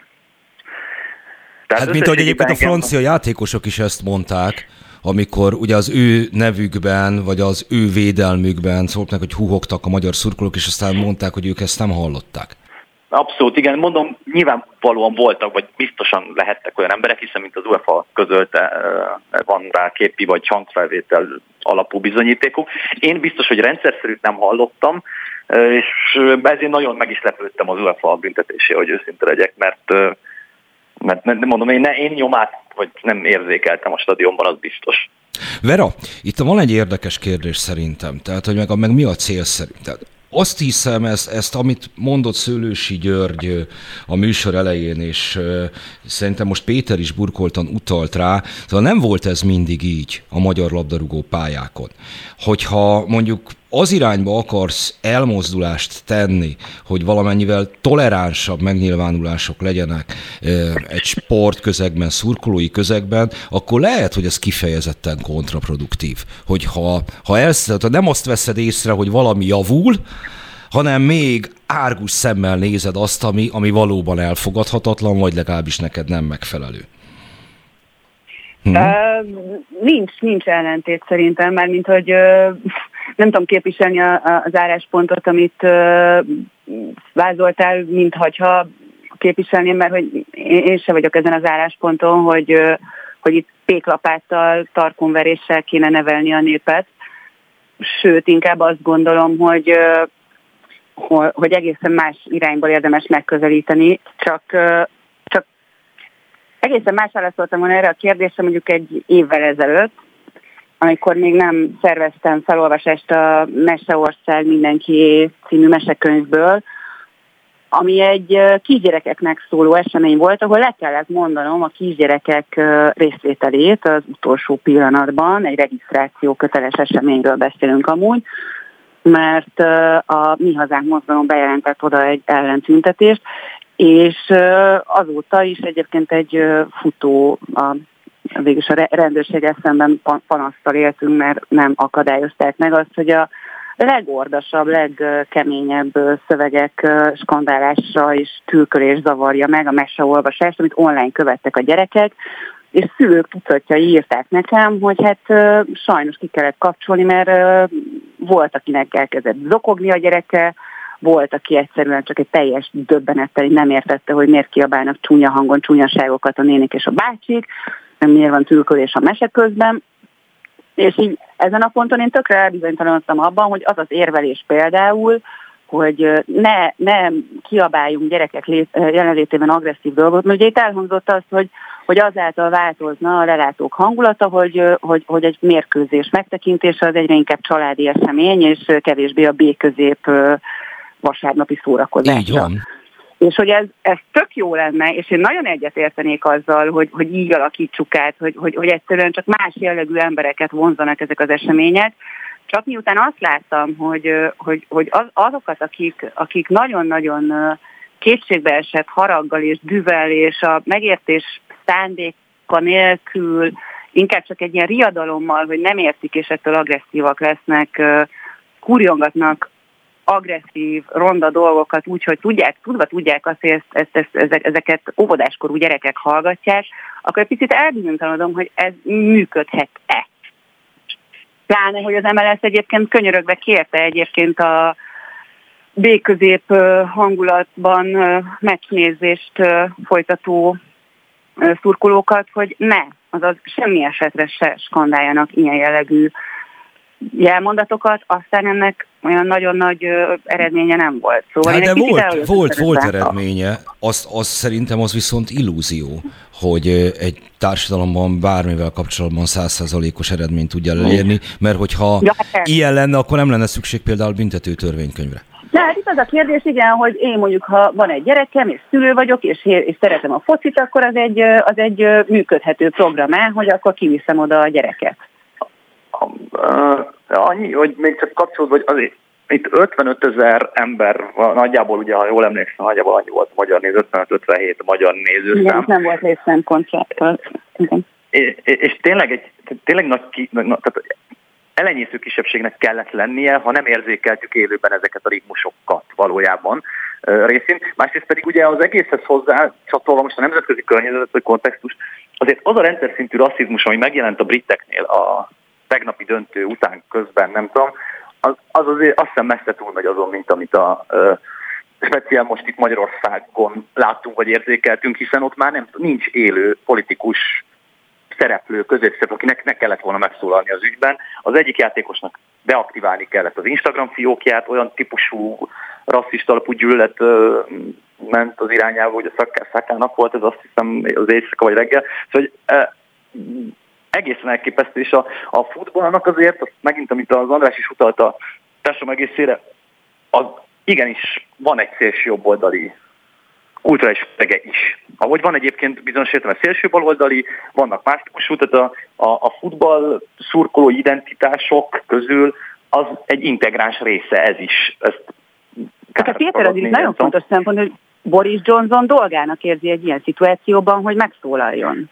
És azért ez nagyon fontos szempont, szerintem. Abszolút, ez, ez abszolút, sőt, hát ugye nyilván egyébként ez egy nagyon érdekes része a történetnek, hogy ugye Angliában világos, hogy értékközösség alakult ki ebben az ügyben, és elég világosan állást foglaltak, hogy mit gondolnak arról, ami zajlik. A, ugye a magyar példa ilyen szempontból, hogy politikai környezetben azért eltérő, mert ugye az nem hangzik el, hogy elítélik az ilyen típusú viselkedést, ám úgy látják, hogy ez egyébként, mert ugye Lehetett volna azt mondani, hogy elítélik azt, ami történt, ám úgy látják, hogy ez olyan elenyésző kisebbségnek volt a, nem tudom, akciója, vagy olyan elenyésző mértékben hallott, hogy nem igazságos a döntés. Az megint egy másfajta érvelés, mint az, hogy ez a mondat nem hangzik el valóban, ami mondjuk a Boris Johnson szájából azonnal elhangzott, vagy szájából nem tudom, írta azt hiszem, hogy nem biztos. Igen, csak amire Péter utalt Vera, az az, hogy, hogy most Angliában a Wembleyben, a Wembley környékén tényleg megjelent valami olyasmi, amiről azt gondoltuk, hogy a brit futball már túl van azon. Péter rendszer szintű rasszizmust említett, és miközben ugye egykori hát gyarma... ez a fair play elengedését, tehát belelézerezni az ellenfél szemébe, az mindenképpen például a fair play-nek is, ami a britek részéről egy nagyon meglepő, hogy brit szurkolók belelézerezzenek az ellenfél szemébe. Én ezt nem láttam jönni. Hát, és képzeld el, hogyha Juventus, szur, vagy Juventus játékosok lettek volna a 80-as években, akkor még ennyivel meg se ússzák.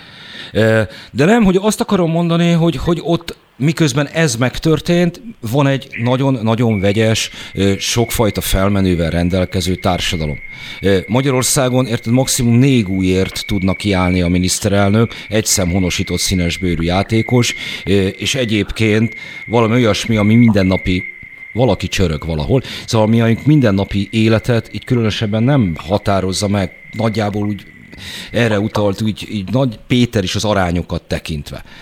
Most Nagy-Britanniában így berobbanni látszik valami. Talán.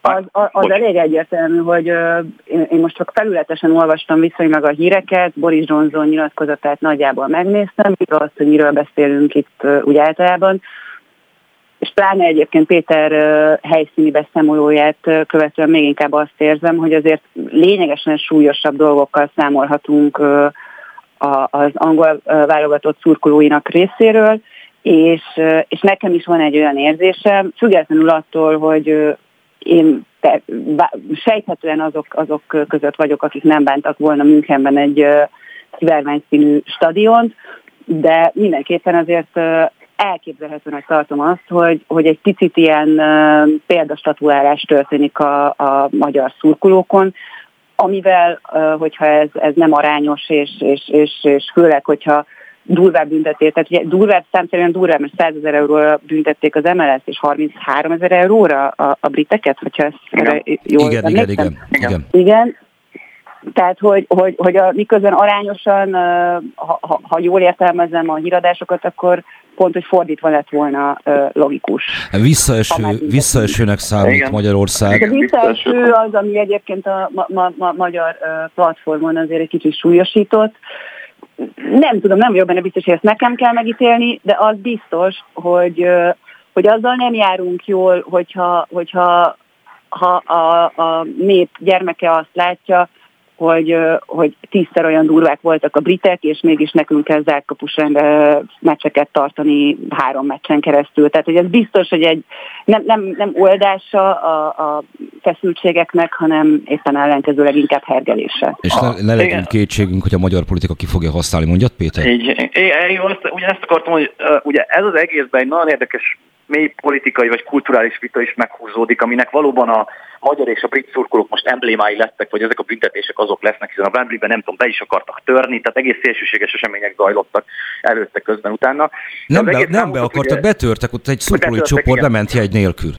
Igen, tehát hogy ezek egészen elképesztő jelentek, jelentek azért, tehát hogy nem, azért UEFA, FIFA eseményen én, nem is emlékszem hasonló példára, pedig azért pár országban rendeztek, szóval egészen szélsőségesek voltak az események, de az egésznek van egy széles politikai, kulturális kerete szerintem, ami azért nagyjából arról az eszmei eszmei vitáról is szól, amit a magyar kormány folytat, és egyébként bizonyos értelemben nyilván a UEFA vagy az európai labdarúgó közeg is folytat. Az európai labdarúgó közeg nyilván nem függetlenül attól, amit az András is mondott, hogy a pályán megjön játékosok milyen multikulturális környezetből jönnek, milyen sokfélék, hanyadik generációsok, stb egy elfogadó, toleráns, befogadó álláspontot közvetít, nyilván egy jogérvényesítő, kisebbségi jogok védelmén alapuló eszmei keretet. Egyébként ehhez tartozik a letérdelés, aminek azért lássuk be ennek fényében, azért a britek letérdelésének, vagy az angol csapat válogatott letérdelésének nagyon eltérő súlya van, mint egy mondjuk valóban, ahogy az András mondta, a magyar válogatott esetében. Azért itt a Eltérő üzenete is van szerintem, nem csak a Igen, súlya. abszolút. Igen, igen, igen. Tehát, hogy, hogy nagyon, nagyon érző, tehát ma azért azt hiszem, hogy ki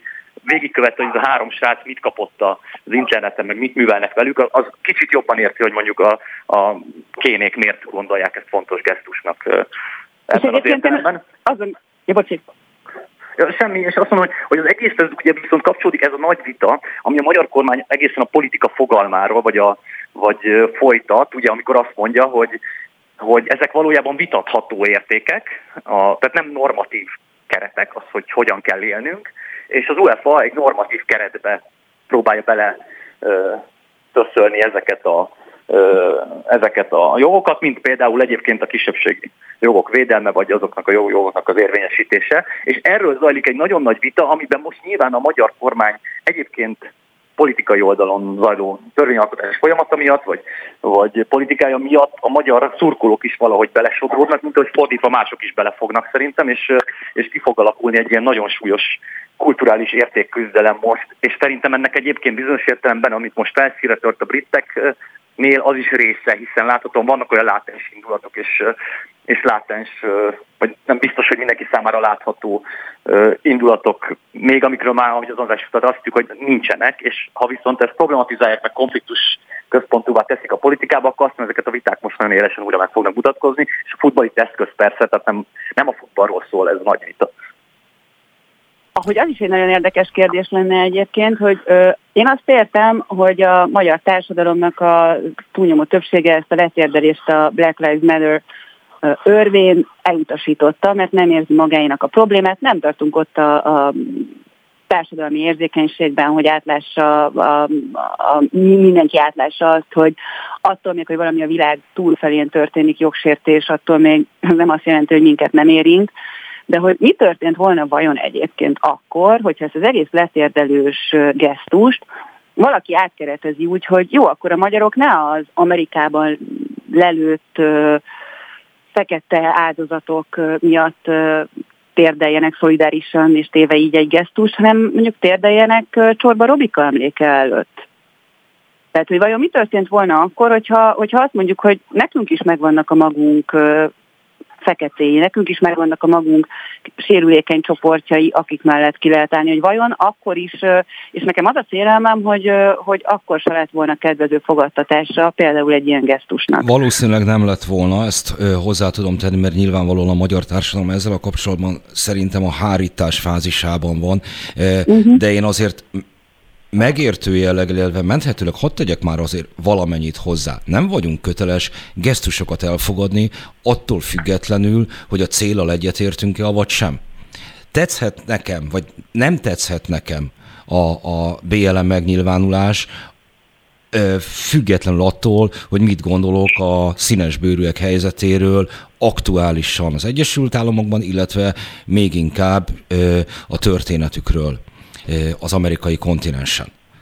Nem mondhatod azt, hogy igen, egyetértek azzal, hogy ez szörnyű, de nem gondolom azt, hogy ebben a kontextusban van helye egy ilyen gesztusnak. Pontosan, vagy, vagy önmagában ez a gesztus nekem nem tetszik. Nem azt fejezi ki számomra, nincsen nekem, ez nem a történetem, hiszen a gesztusok azok közegekben jönnek létre, nem attól elvonatkoztatva.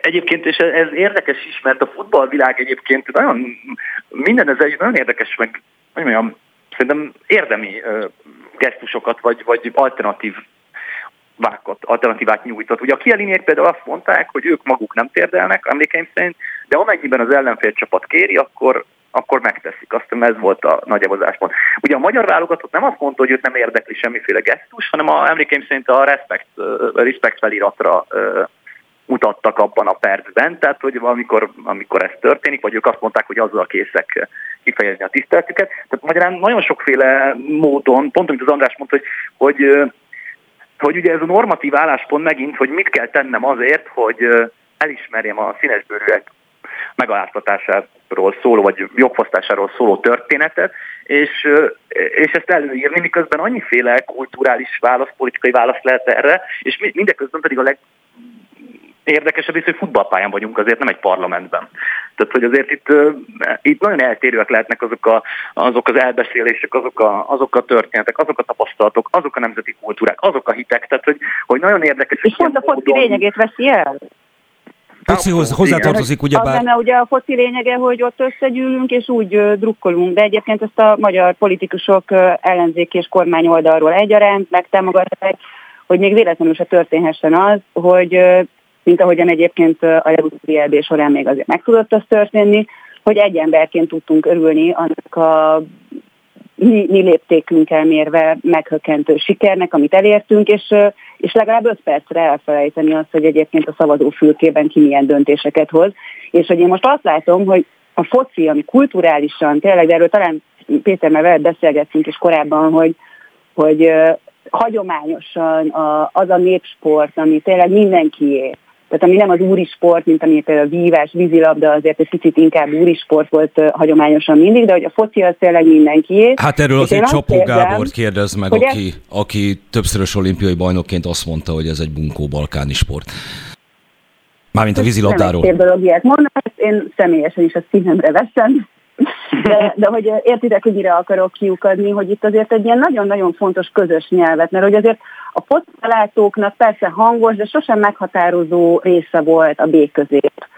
Tehát hát szerintem, a szerintem de. nagy része elhatárolódott mindig is, hagyományosan is. Ugye ez szerintem tök érdekes, amit az András mondott, még azt hiszem az elején, hogy ebbe az értelemben azért, aki volt a bizonyos, nem tudom, most év szerint lehet, hogy butaságot mondok, de 20 évvel vagy 15 évvel ezelőtt a stadionokban az nagyon más hangulatot tapasztal, mert volt időszak, amikor azon a B középen kívül volt olyan stadion, ahol alig volt valaki. Ugye azért, akkor tényleg azt skandalták azért a bizonyos stadionokban, hogy indul a vonat körülbelül ezen Megy a szinten ment néha. Igen, volt szóval, igen, tehát, hogy, hogy, volt, amikor ezen a szinten ment a, a, a, a lelátói hang, és azért ebben én én a, nem tudom, hogy az András erre utalta, ha jól értettem, én azért nagyon jelentős elmozdulást érzek. Én is, én is érzek elmozdulást.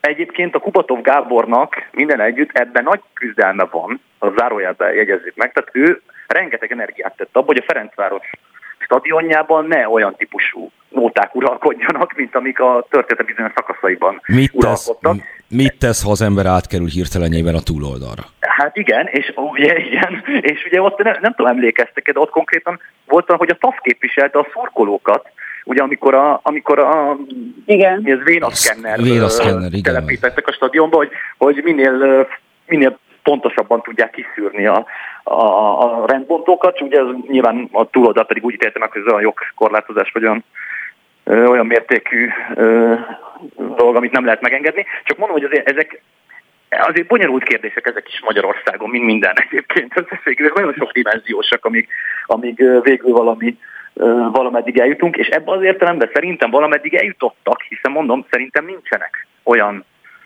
biztosan nem rosszabb irányba mozdult el ez a kultúra, az, én, én szinte biztos vagyok benne. Hadd mondjak, az tíz évben. Én ezzel egyetértek, hogy Péter mondta, amit te mondtál, arra hadd mondjak valamit, Péter valószínűleg egyet fog érteni velem, mert akit idézek, ő azt jól ismeri. Itt azért nem csupán arról van szó, hogy közösen örülünk valaminek, végre együtt vagyunk és felemelő, azért attól ne tekintsünk el, hogy ott két csapat egymással szemben versenyzik. És Bolgár Dániellel beszéltem itt pár héttel ezelőtt, pont az EB indulásának kapcsán, ő ezt a maga történészi módszereivel kutatta az egész flabdarugásnak az eredetét, és hogy ez azért egy háború pótlék. Itt, itt, ott egy háború pótlék van, ahol bizony a túlfelen lévőt nagyon jó, ha bizonyos határokon belül, de zrikálom, szembe megyek vele, őt akarom legyőzni, és a többi. Eh, hogy... Hát úgy érted, hogy ez a háborús indulatok egy jó, tét, jó, jó, jó szándékú, vagy kevésbé feszült csatornázása abszolút, Ez, ez, abszolút, ez, ez, ez, tényleg ez, ez a pacifikált háború sok esetben azért nem véletlen, hogy a, a, a bizonyos nemzetek közti vetélkedéseknek azért a, a legsúly, legnagyobb súlya azoknak a, a meccseknek van, amikor történelmi konfliktus kapcsolódik a meccsekhez. Tehát a, a magyar-román az nagyon máshogy néz ki a stadionban, hangulatában, mint a nem tudom, a magyar, nem tudok most jó példát mondani, Magyarország-Skócia, viszont a Anglia-Skócia meg nagyon másként néz ki, mint a, a nem tudom, az Anglia-Magyarország. Azért ne felejtsük el, a skótok konkrétan az olaszoknak, vagy legalábbis a, volt olyan lapjuk, amely konkrétan az olaszoknak szurkolást helyezte előtérbe. Utolsó egyszerűen... esélyünk címmel jelent meg Skót napilap aznap, és Kielini volt a címlapon, vagy valami ilyesmi. Igen, szóval, hogy, hogy, hogy ebben azért, amit Zandis mond, az valóban igen, és a, noha nem értek egyet mindenkivel, akit ismerek, az Közösen vezettetek műsort. De kétségkívül, kétségkívül a Daninak a gondolkodását ebben ismerem, és valóban uh, nagyon izgalmasak ezek a, ezek a történeti elbeszélések, és ez tényleg így van, hogy egyszerűen ide helyeztük át azokat a háborúkat, amelyek egyébként ugyanazok a konfliktusok, ugyanazok az ellenszemek, azok nem szűnnek meg. Tehát nincs olyan világ, ahol nincsen, nem léteznek ezek a konfliktusok, és találtak neki egy olyan terepet, ahol ezek megmutathatók békésen, egyébként valamilyen verseny keretek között és szabályozottan úgy, hogy teljes azonosulást kínálnak több tízezer embernek, vagy több millió embernek a adott pillanatban. Szóval ebben az értelemben szerintem ez, ebből a szempontból már óriási bravúr, hogy a futball valójában eddig békült, vagy nem tudom, tehát hogy, hogy, hogy így minimalizálták már most arra egyébként a, a, hogy mondjam, a hevességét ezeknek a, ezeknek a pacifikált háborúknak. Így van. Vera, nagyon szépen köszönöm, hogy még velünk voltál. Péterrel még beszélgetnék pár szó. Erre, erejéig további szép napot, meg aztán hetet neked a későbbiekben. Viszont, viszont, sziasztok! Hello! Hello! Na Péter, azt akartam eh, tőled még kérdezni, ha már itt tartottunk háborúnál, meg az egész futballt körbevevő gesztusrendszernél, hogy azért van egy ö, ö, nyilvánvalóan egy ismert véleményed emberi jogokról, kisebbségekről, kisebbségi jogokról, kultúráról és a többiről. És nagyon érdekes a te személyed, ahol itt egybevág, az talán az egyik első könyved, hát nem meglepő módon, egy ö, ö, észak-kelet magyarországi futballpályán környékén kibontakozó játékvezetői karrier ből indul, bomlik ki. És hogy ez a te egyfelől elkötelezettséged, az előbb említett értékek, másfelől a publicisztikáiban is folyamatosan megjelenő népbarátságod ö, is megjelenik a könyvedben. Hogy azért neked nincsen olyan érzésed, hogy, hogy itt másfél év után, amikor le van szorítva mindenki, otthonaikban vannak száműzve, nincsenek közösségi élmények, eleve örömtelen az egész, hogy, hogy így nagyon hirtelen megjelent például az angol nép. És aztán bunkó vagyok, Istenem bunkó vagyok, megengedhetem most magamnak szívta meleget. Tehát nem látod ott a, a teljesen kizsigerelt Birminghami munkást?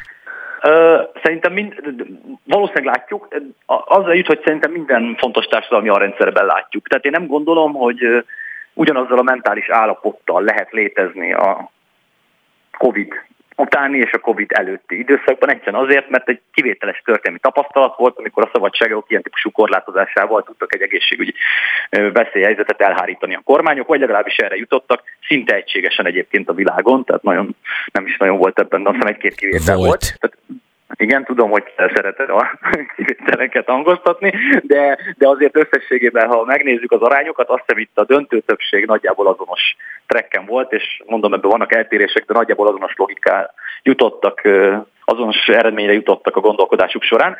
Ezzel együtt, mondom, biztosan ezek a, ezek a tapasztalatok nem tehát azok a társadalmi feszültségek, amiket hoz ez, nem csak azért, vannak gazdasági okok, vannak egészségügyi okok, vannak nem tudom, ilyen okok, amolyan okok, ezek a feszültségek valahol megjelennek, ez nyilvánvaló, és azért azt nagyjából tudjuk, hogy a gazdasági krízisek, válságokhoz mindig kapcsolódik azért valamilyen típusú ö, olyan társadalmi elégedetlenség, amely végül beletorkollik szélsőségesebb ö, politikai megnyilvánulások ba, vagy, vagy olyan mozgalmak környékére szerveződik, amely, amely, amelyek ilyesmit képviselnek. Tehát szerintem történelmi tapasztalatból is következik, hogy, hogy valami ilyesminek meg kell jelenni.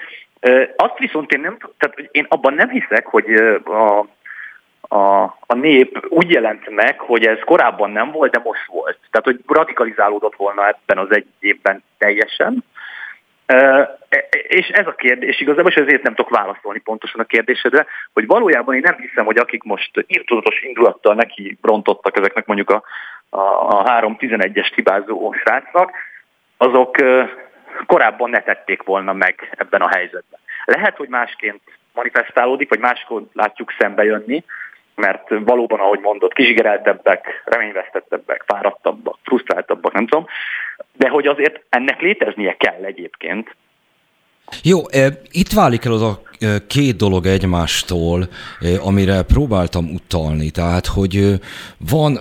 Szóval Verával előtted arról beszélgettünk, ezek szerint éppen akkor cseteltél vele, hogy a bunkó... Egy üzenetet írtam, mielőtt. bunkóság Azt majd ellenőrizzük Pető elvtárs, hogy hányat is mielőtt abba keveredne, hogy abba a gyanúba keveredne, hogy nem figyelt rád ebben az időszakban, ő nem válaszolt a üzenetemre. Szóval, hogy, hogy a bunkóság mennyiben ö, száműzhető a beszédből egyáltalán. Nekem elég sarkosan véleményem az, hogy semennyire. Így van, én ezzel teljesen egyetértek és hogy, hogy ez a folyamatos illem tanárkodásság, amivel most már a nagy szervezetek, nagy cégek, ö, politikai aktorok és a többik így kioktatóan, szerintem legalábbis kioktatóan, vagy kevéssé értő módon megközelítve kommunikálnak az egyszerű, elmaradott, nem tudom, néprétegekkel, hogy most már tessék olyan lenni, hogy tiszteld a másságot, és az visszaüt. Én ebben, szóval nem tudom, hogy állításként mondtad, vagy, vagy csak implikálta ezért, de nagyjából egyetértek azzal, hogy amit mondtál. Tehát én a maximálisan azt gondolom, egyrészt a bunkóság a nyelv része, mármint, hogy olyan nincs. És valóban én Heves megye, Borsod megye és Nógrád megye futballpályáin nőttem föl. Igen, azok vannak ott, akik elviselik az ilyen típusú beszédet, és nem, nem lehetséges az, hogy doktori értekezéseket olvassanak föl a futballmeccs közben, mert ez más Ez egy másik kultúra, amit meg lehet vetni, le lehet nézni, csak az az igazság, hogy több embert érdekel, mint minden más kultúránk összesen, most nyilván túlzok, de értsük jól, tehát hogy a, a, sajnos a legjobb akaratom ellenére ugye nyilván elkötelezett vagyok az irodalom irányába is, de nem láttam irodalmi felolvasó esteken soha annyi embert, mint a stadionokban, meg a futballpályákon. Nem szólva arról egyébként, amire valószínűleg legkevesebb figyelem jut, de nekem az értembe, mondom, az értem meghatározó részét töltöttem ott, hogy mit jelent egy kis közösség számára egy meccs. Tehát mondjuk, hogy 2000-3000 lakosú faluba 200 ember áll a pályaszín, az azt jelenti, hogy a település 10%-a vasárnap együtt van egy helyen, szót vált, találkozik. Ha ez nincs, akkor nincs együtt, és nem találkozik. E, nem kommunikál máshogy, nem találkozik, nincs, azonos, nincs azonosulási helyzete.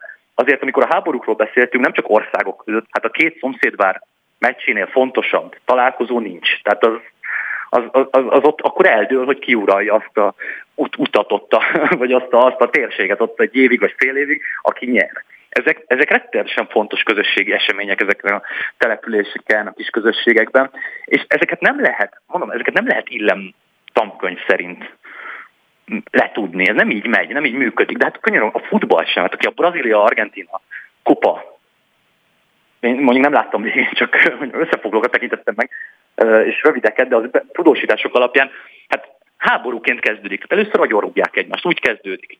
És nem azért van, mert az a 22 ember elfelejtett, hogy egyszerűen olyan típusú indulat van benne, ami, ami nem, nem, nem létezik máshol, vagy máshol, vagy nem, nem csatornázható. Tehát ebben az értelemben én, én nagyon azon az állásponton vagyok, hogy, hogy ez egy másik kultúra, amit nem értenek, és ez a normatív előíró kultúra, zárója olyan, olyan multicégek egyébként reklámozzák a különféle színekben, meg különféle üzenetekkel a, a, ezt a trendinek gondolt, vagy számukra trendi, vagy úgy érzik, hogy sikert hozó értékeket, amelyek egyébként adót nem fizetnek, amivel egyébként utána lehetne oktatást, amiből lehetne mondjuk oktatást finanszírozni, és esetleg akkor egy jobb társadalmat építeni annak köszönhetően, hogy a kultúrához meg a, a kulturális közel viszik az embereket, meg esetleg nyelvet fognak tudni, de hát az adót nem fizetik be, mennyivel könnyebb beszínezni bizonyos dolgokat, és mennyivel könnyebb utána Bakuba azt mondani, hogy ja, ott nem kérem.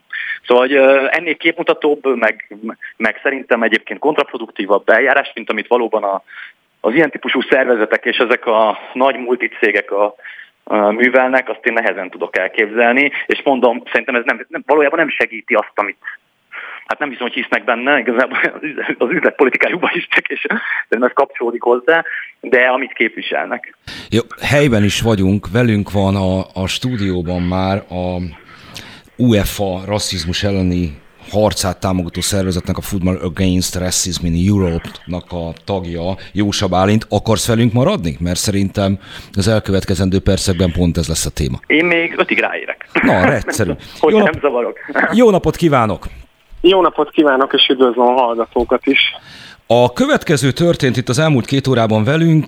Két egyébként politikailag nem azonos térfélen lévő újságíró szörnyű hely ez a Magyarország politikai térfélen kell, hogy legyenek újságírók, de azért ettől függetlenül ez a besorolás van. Szőlősi György a Nemzeti Sport főszerkesztője, és Pető Péter, akivel most beszélgetek, a 24.hu főszerkesztője, e, mind a kettő megrökönyödésének adott hangot az UEFA Magyarországot e, büntető szankciói miatt tehát a három ö, zárt kapus mérkőzés, illetve a 100 ezer eurós bírságban, mind a ketten aránytalannak ö, tartják ezt. Ön szerint ez ö, megfelelő súlyú intézkedés?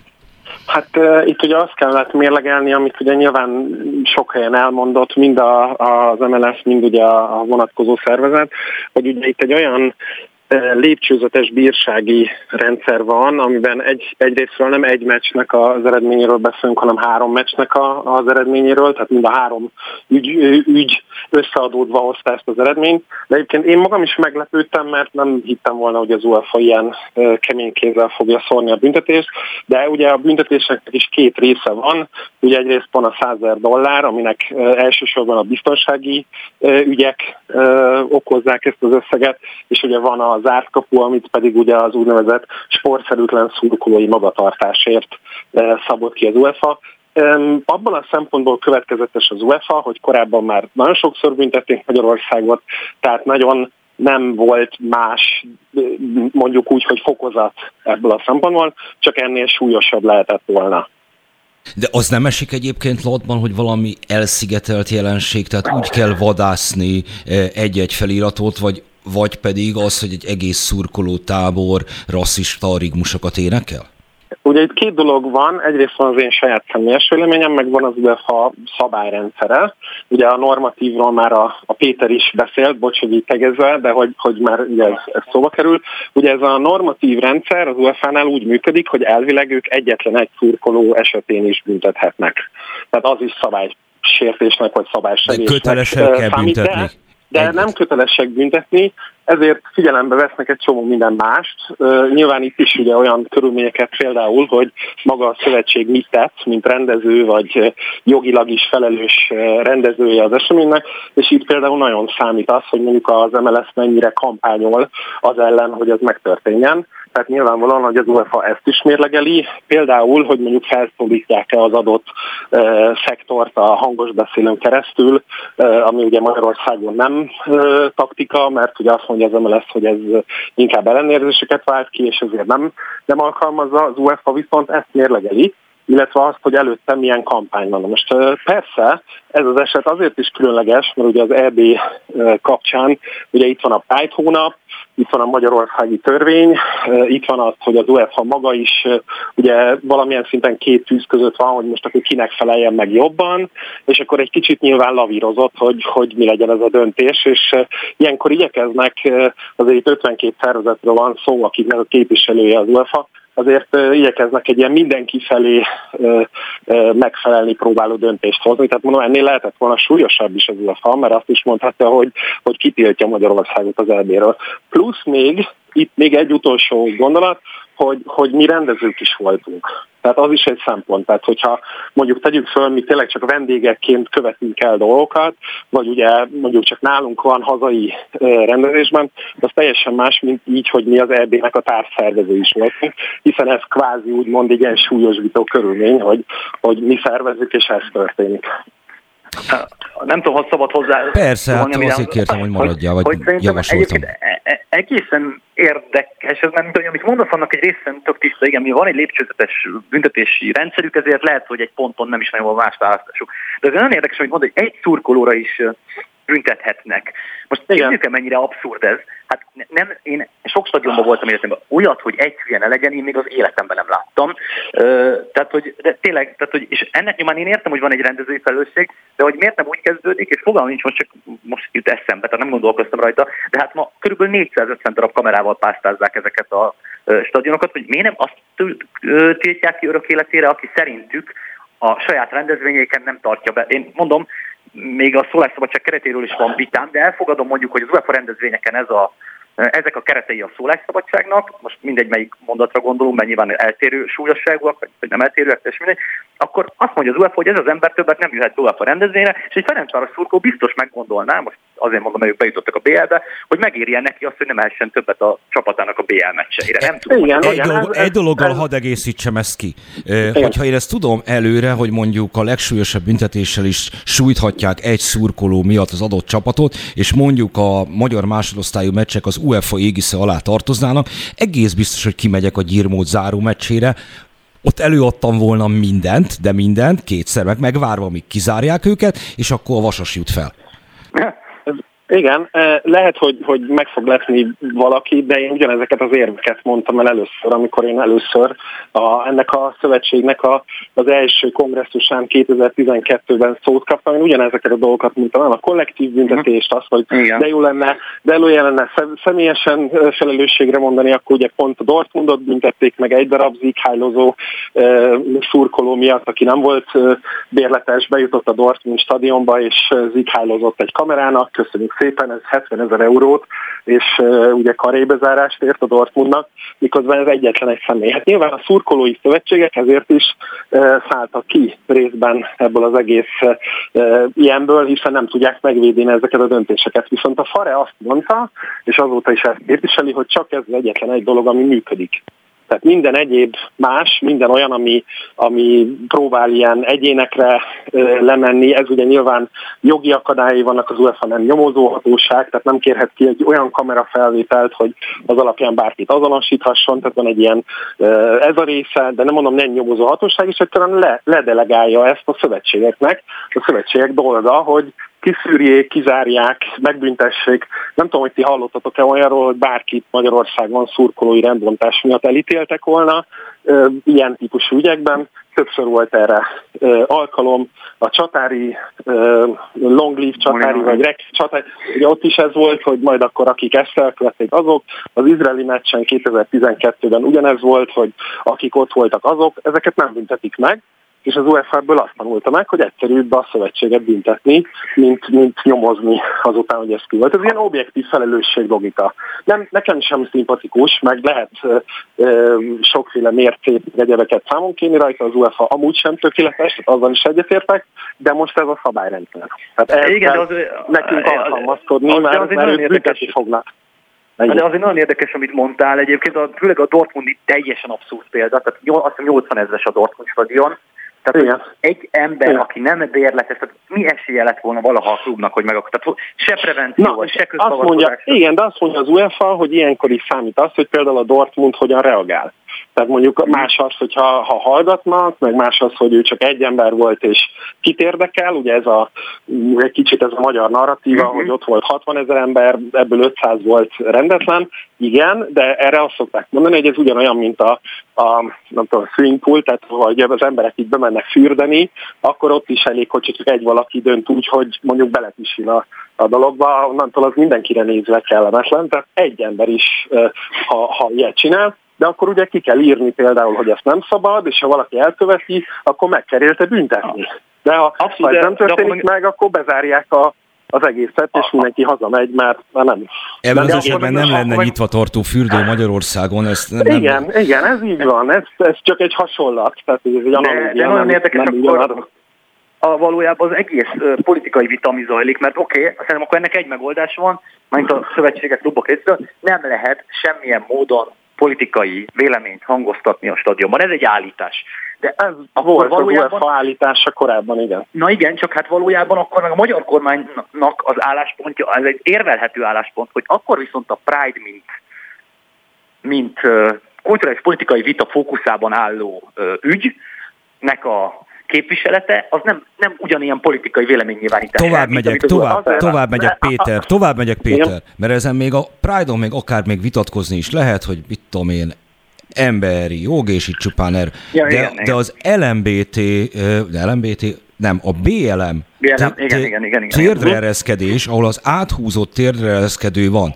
Semmi nincs, tehát lehet valamilyen, pont erről beszélgettem itt előbb Mérő Verával, hogy le, elutasíthatom én a gesztust, attól még, hogy messze menőkig támogatom a feketék integrációját Amerikában. Igen, akkor ez két külön dolog, és rögtön mind a kettőre válaszolok is. A Pride-dal kapcsolatban ugye az a helyzet, hogy abban mindenképpen ugye megjelenik ez a fajta for valami, tehát nem valami ellen, uh-huh. hanem valamiért. Tehát ugye ők azt mondják, uh-huh. hogy nyilvánvaló, hogy az UEFA ugyanúgy a többi kisebbség mellett is kiállna.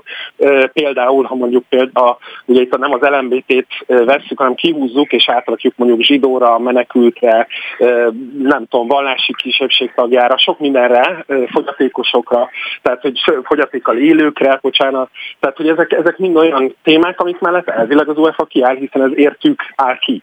Na most ez egyik része. A BLM az egy másik dolog, nyilván egy ilyen importügy Európában abból a szempontból, hogy ez egy amerikai mozgalmi kezdeményezés, viszont itt arról van szó, hogy az sérelmezedett ebben az ügyben, hogy a magyar szurkolók viszont kifütyülték. Tehát más az, hogy azt mondom, hogy én nem értek vele egyet, és nem csinálom, vagy, vagy lenyilatkozom előtte, hogy nem értek vele egyet, mint az, hogy egyenesen nem tetszésemet nyilvánítom ki nem, nem, nem, nem, Egyébként, bocs, bocs, az... bocs, hadd mondjak még egy utolsó mondatot, ezért egyébként az UEFA nem büntet.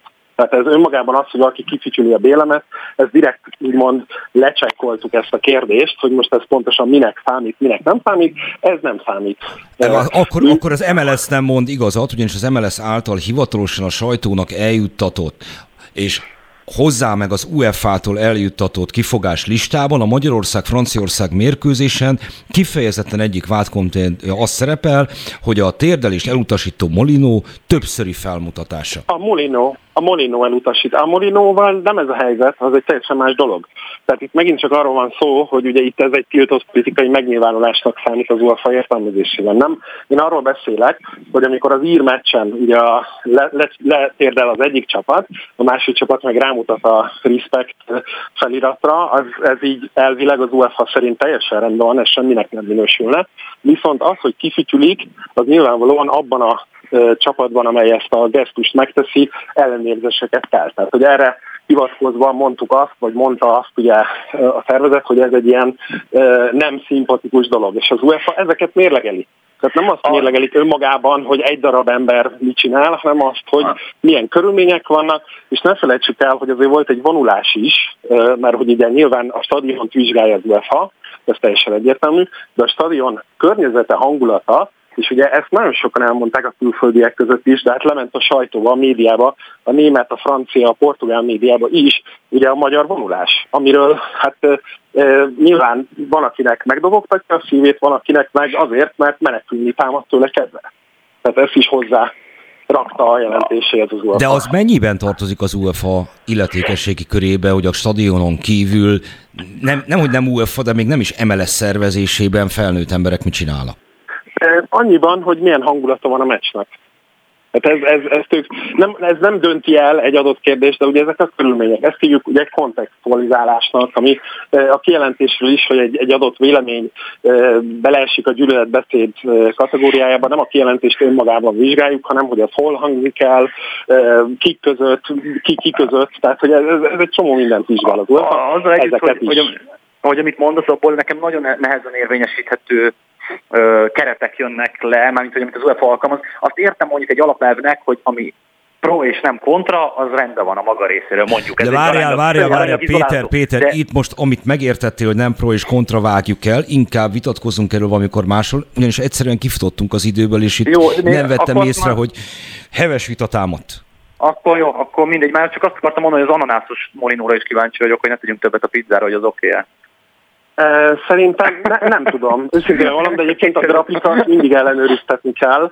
Tehát eleve, ha valaki olyan molinót rak föl, amit nem ellenőriztet, már azzal is lehetnek gondok, mert hogy elvileg mindenkinek kell, már csak biztonsági okokból is, mert ugye tűzveszélyes. Jó van, nem kell többet, nem kell ki. többet ananász, ezzel zárjuk, a, ezzel zárjuk a mai műsorunkat. Nagyon szépen köszönöm mindenkinek, aki itt volt velünk, maguknak továbbra is szép délutánt kívánok.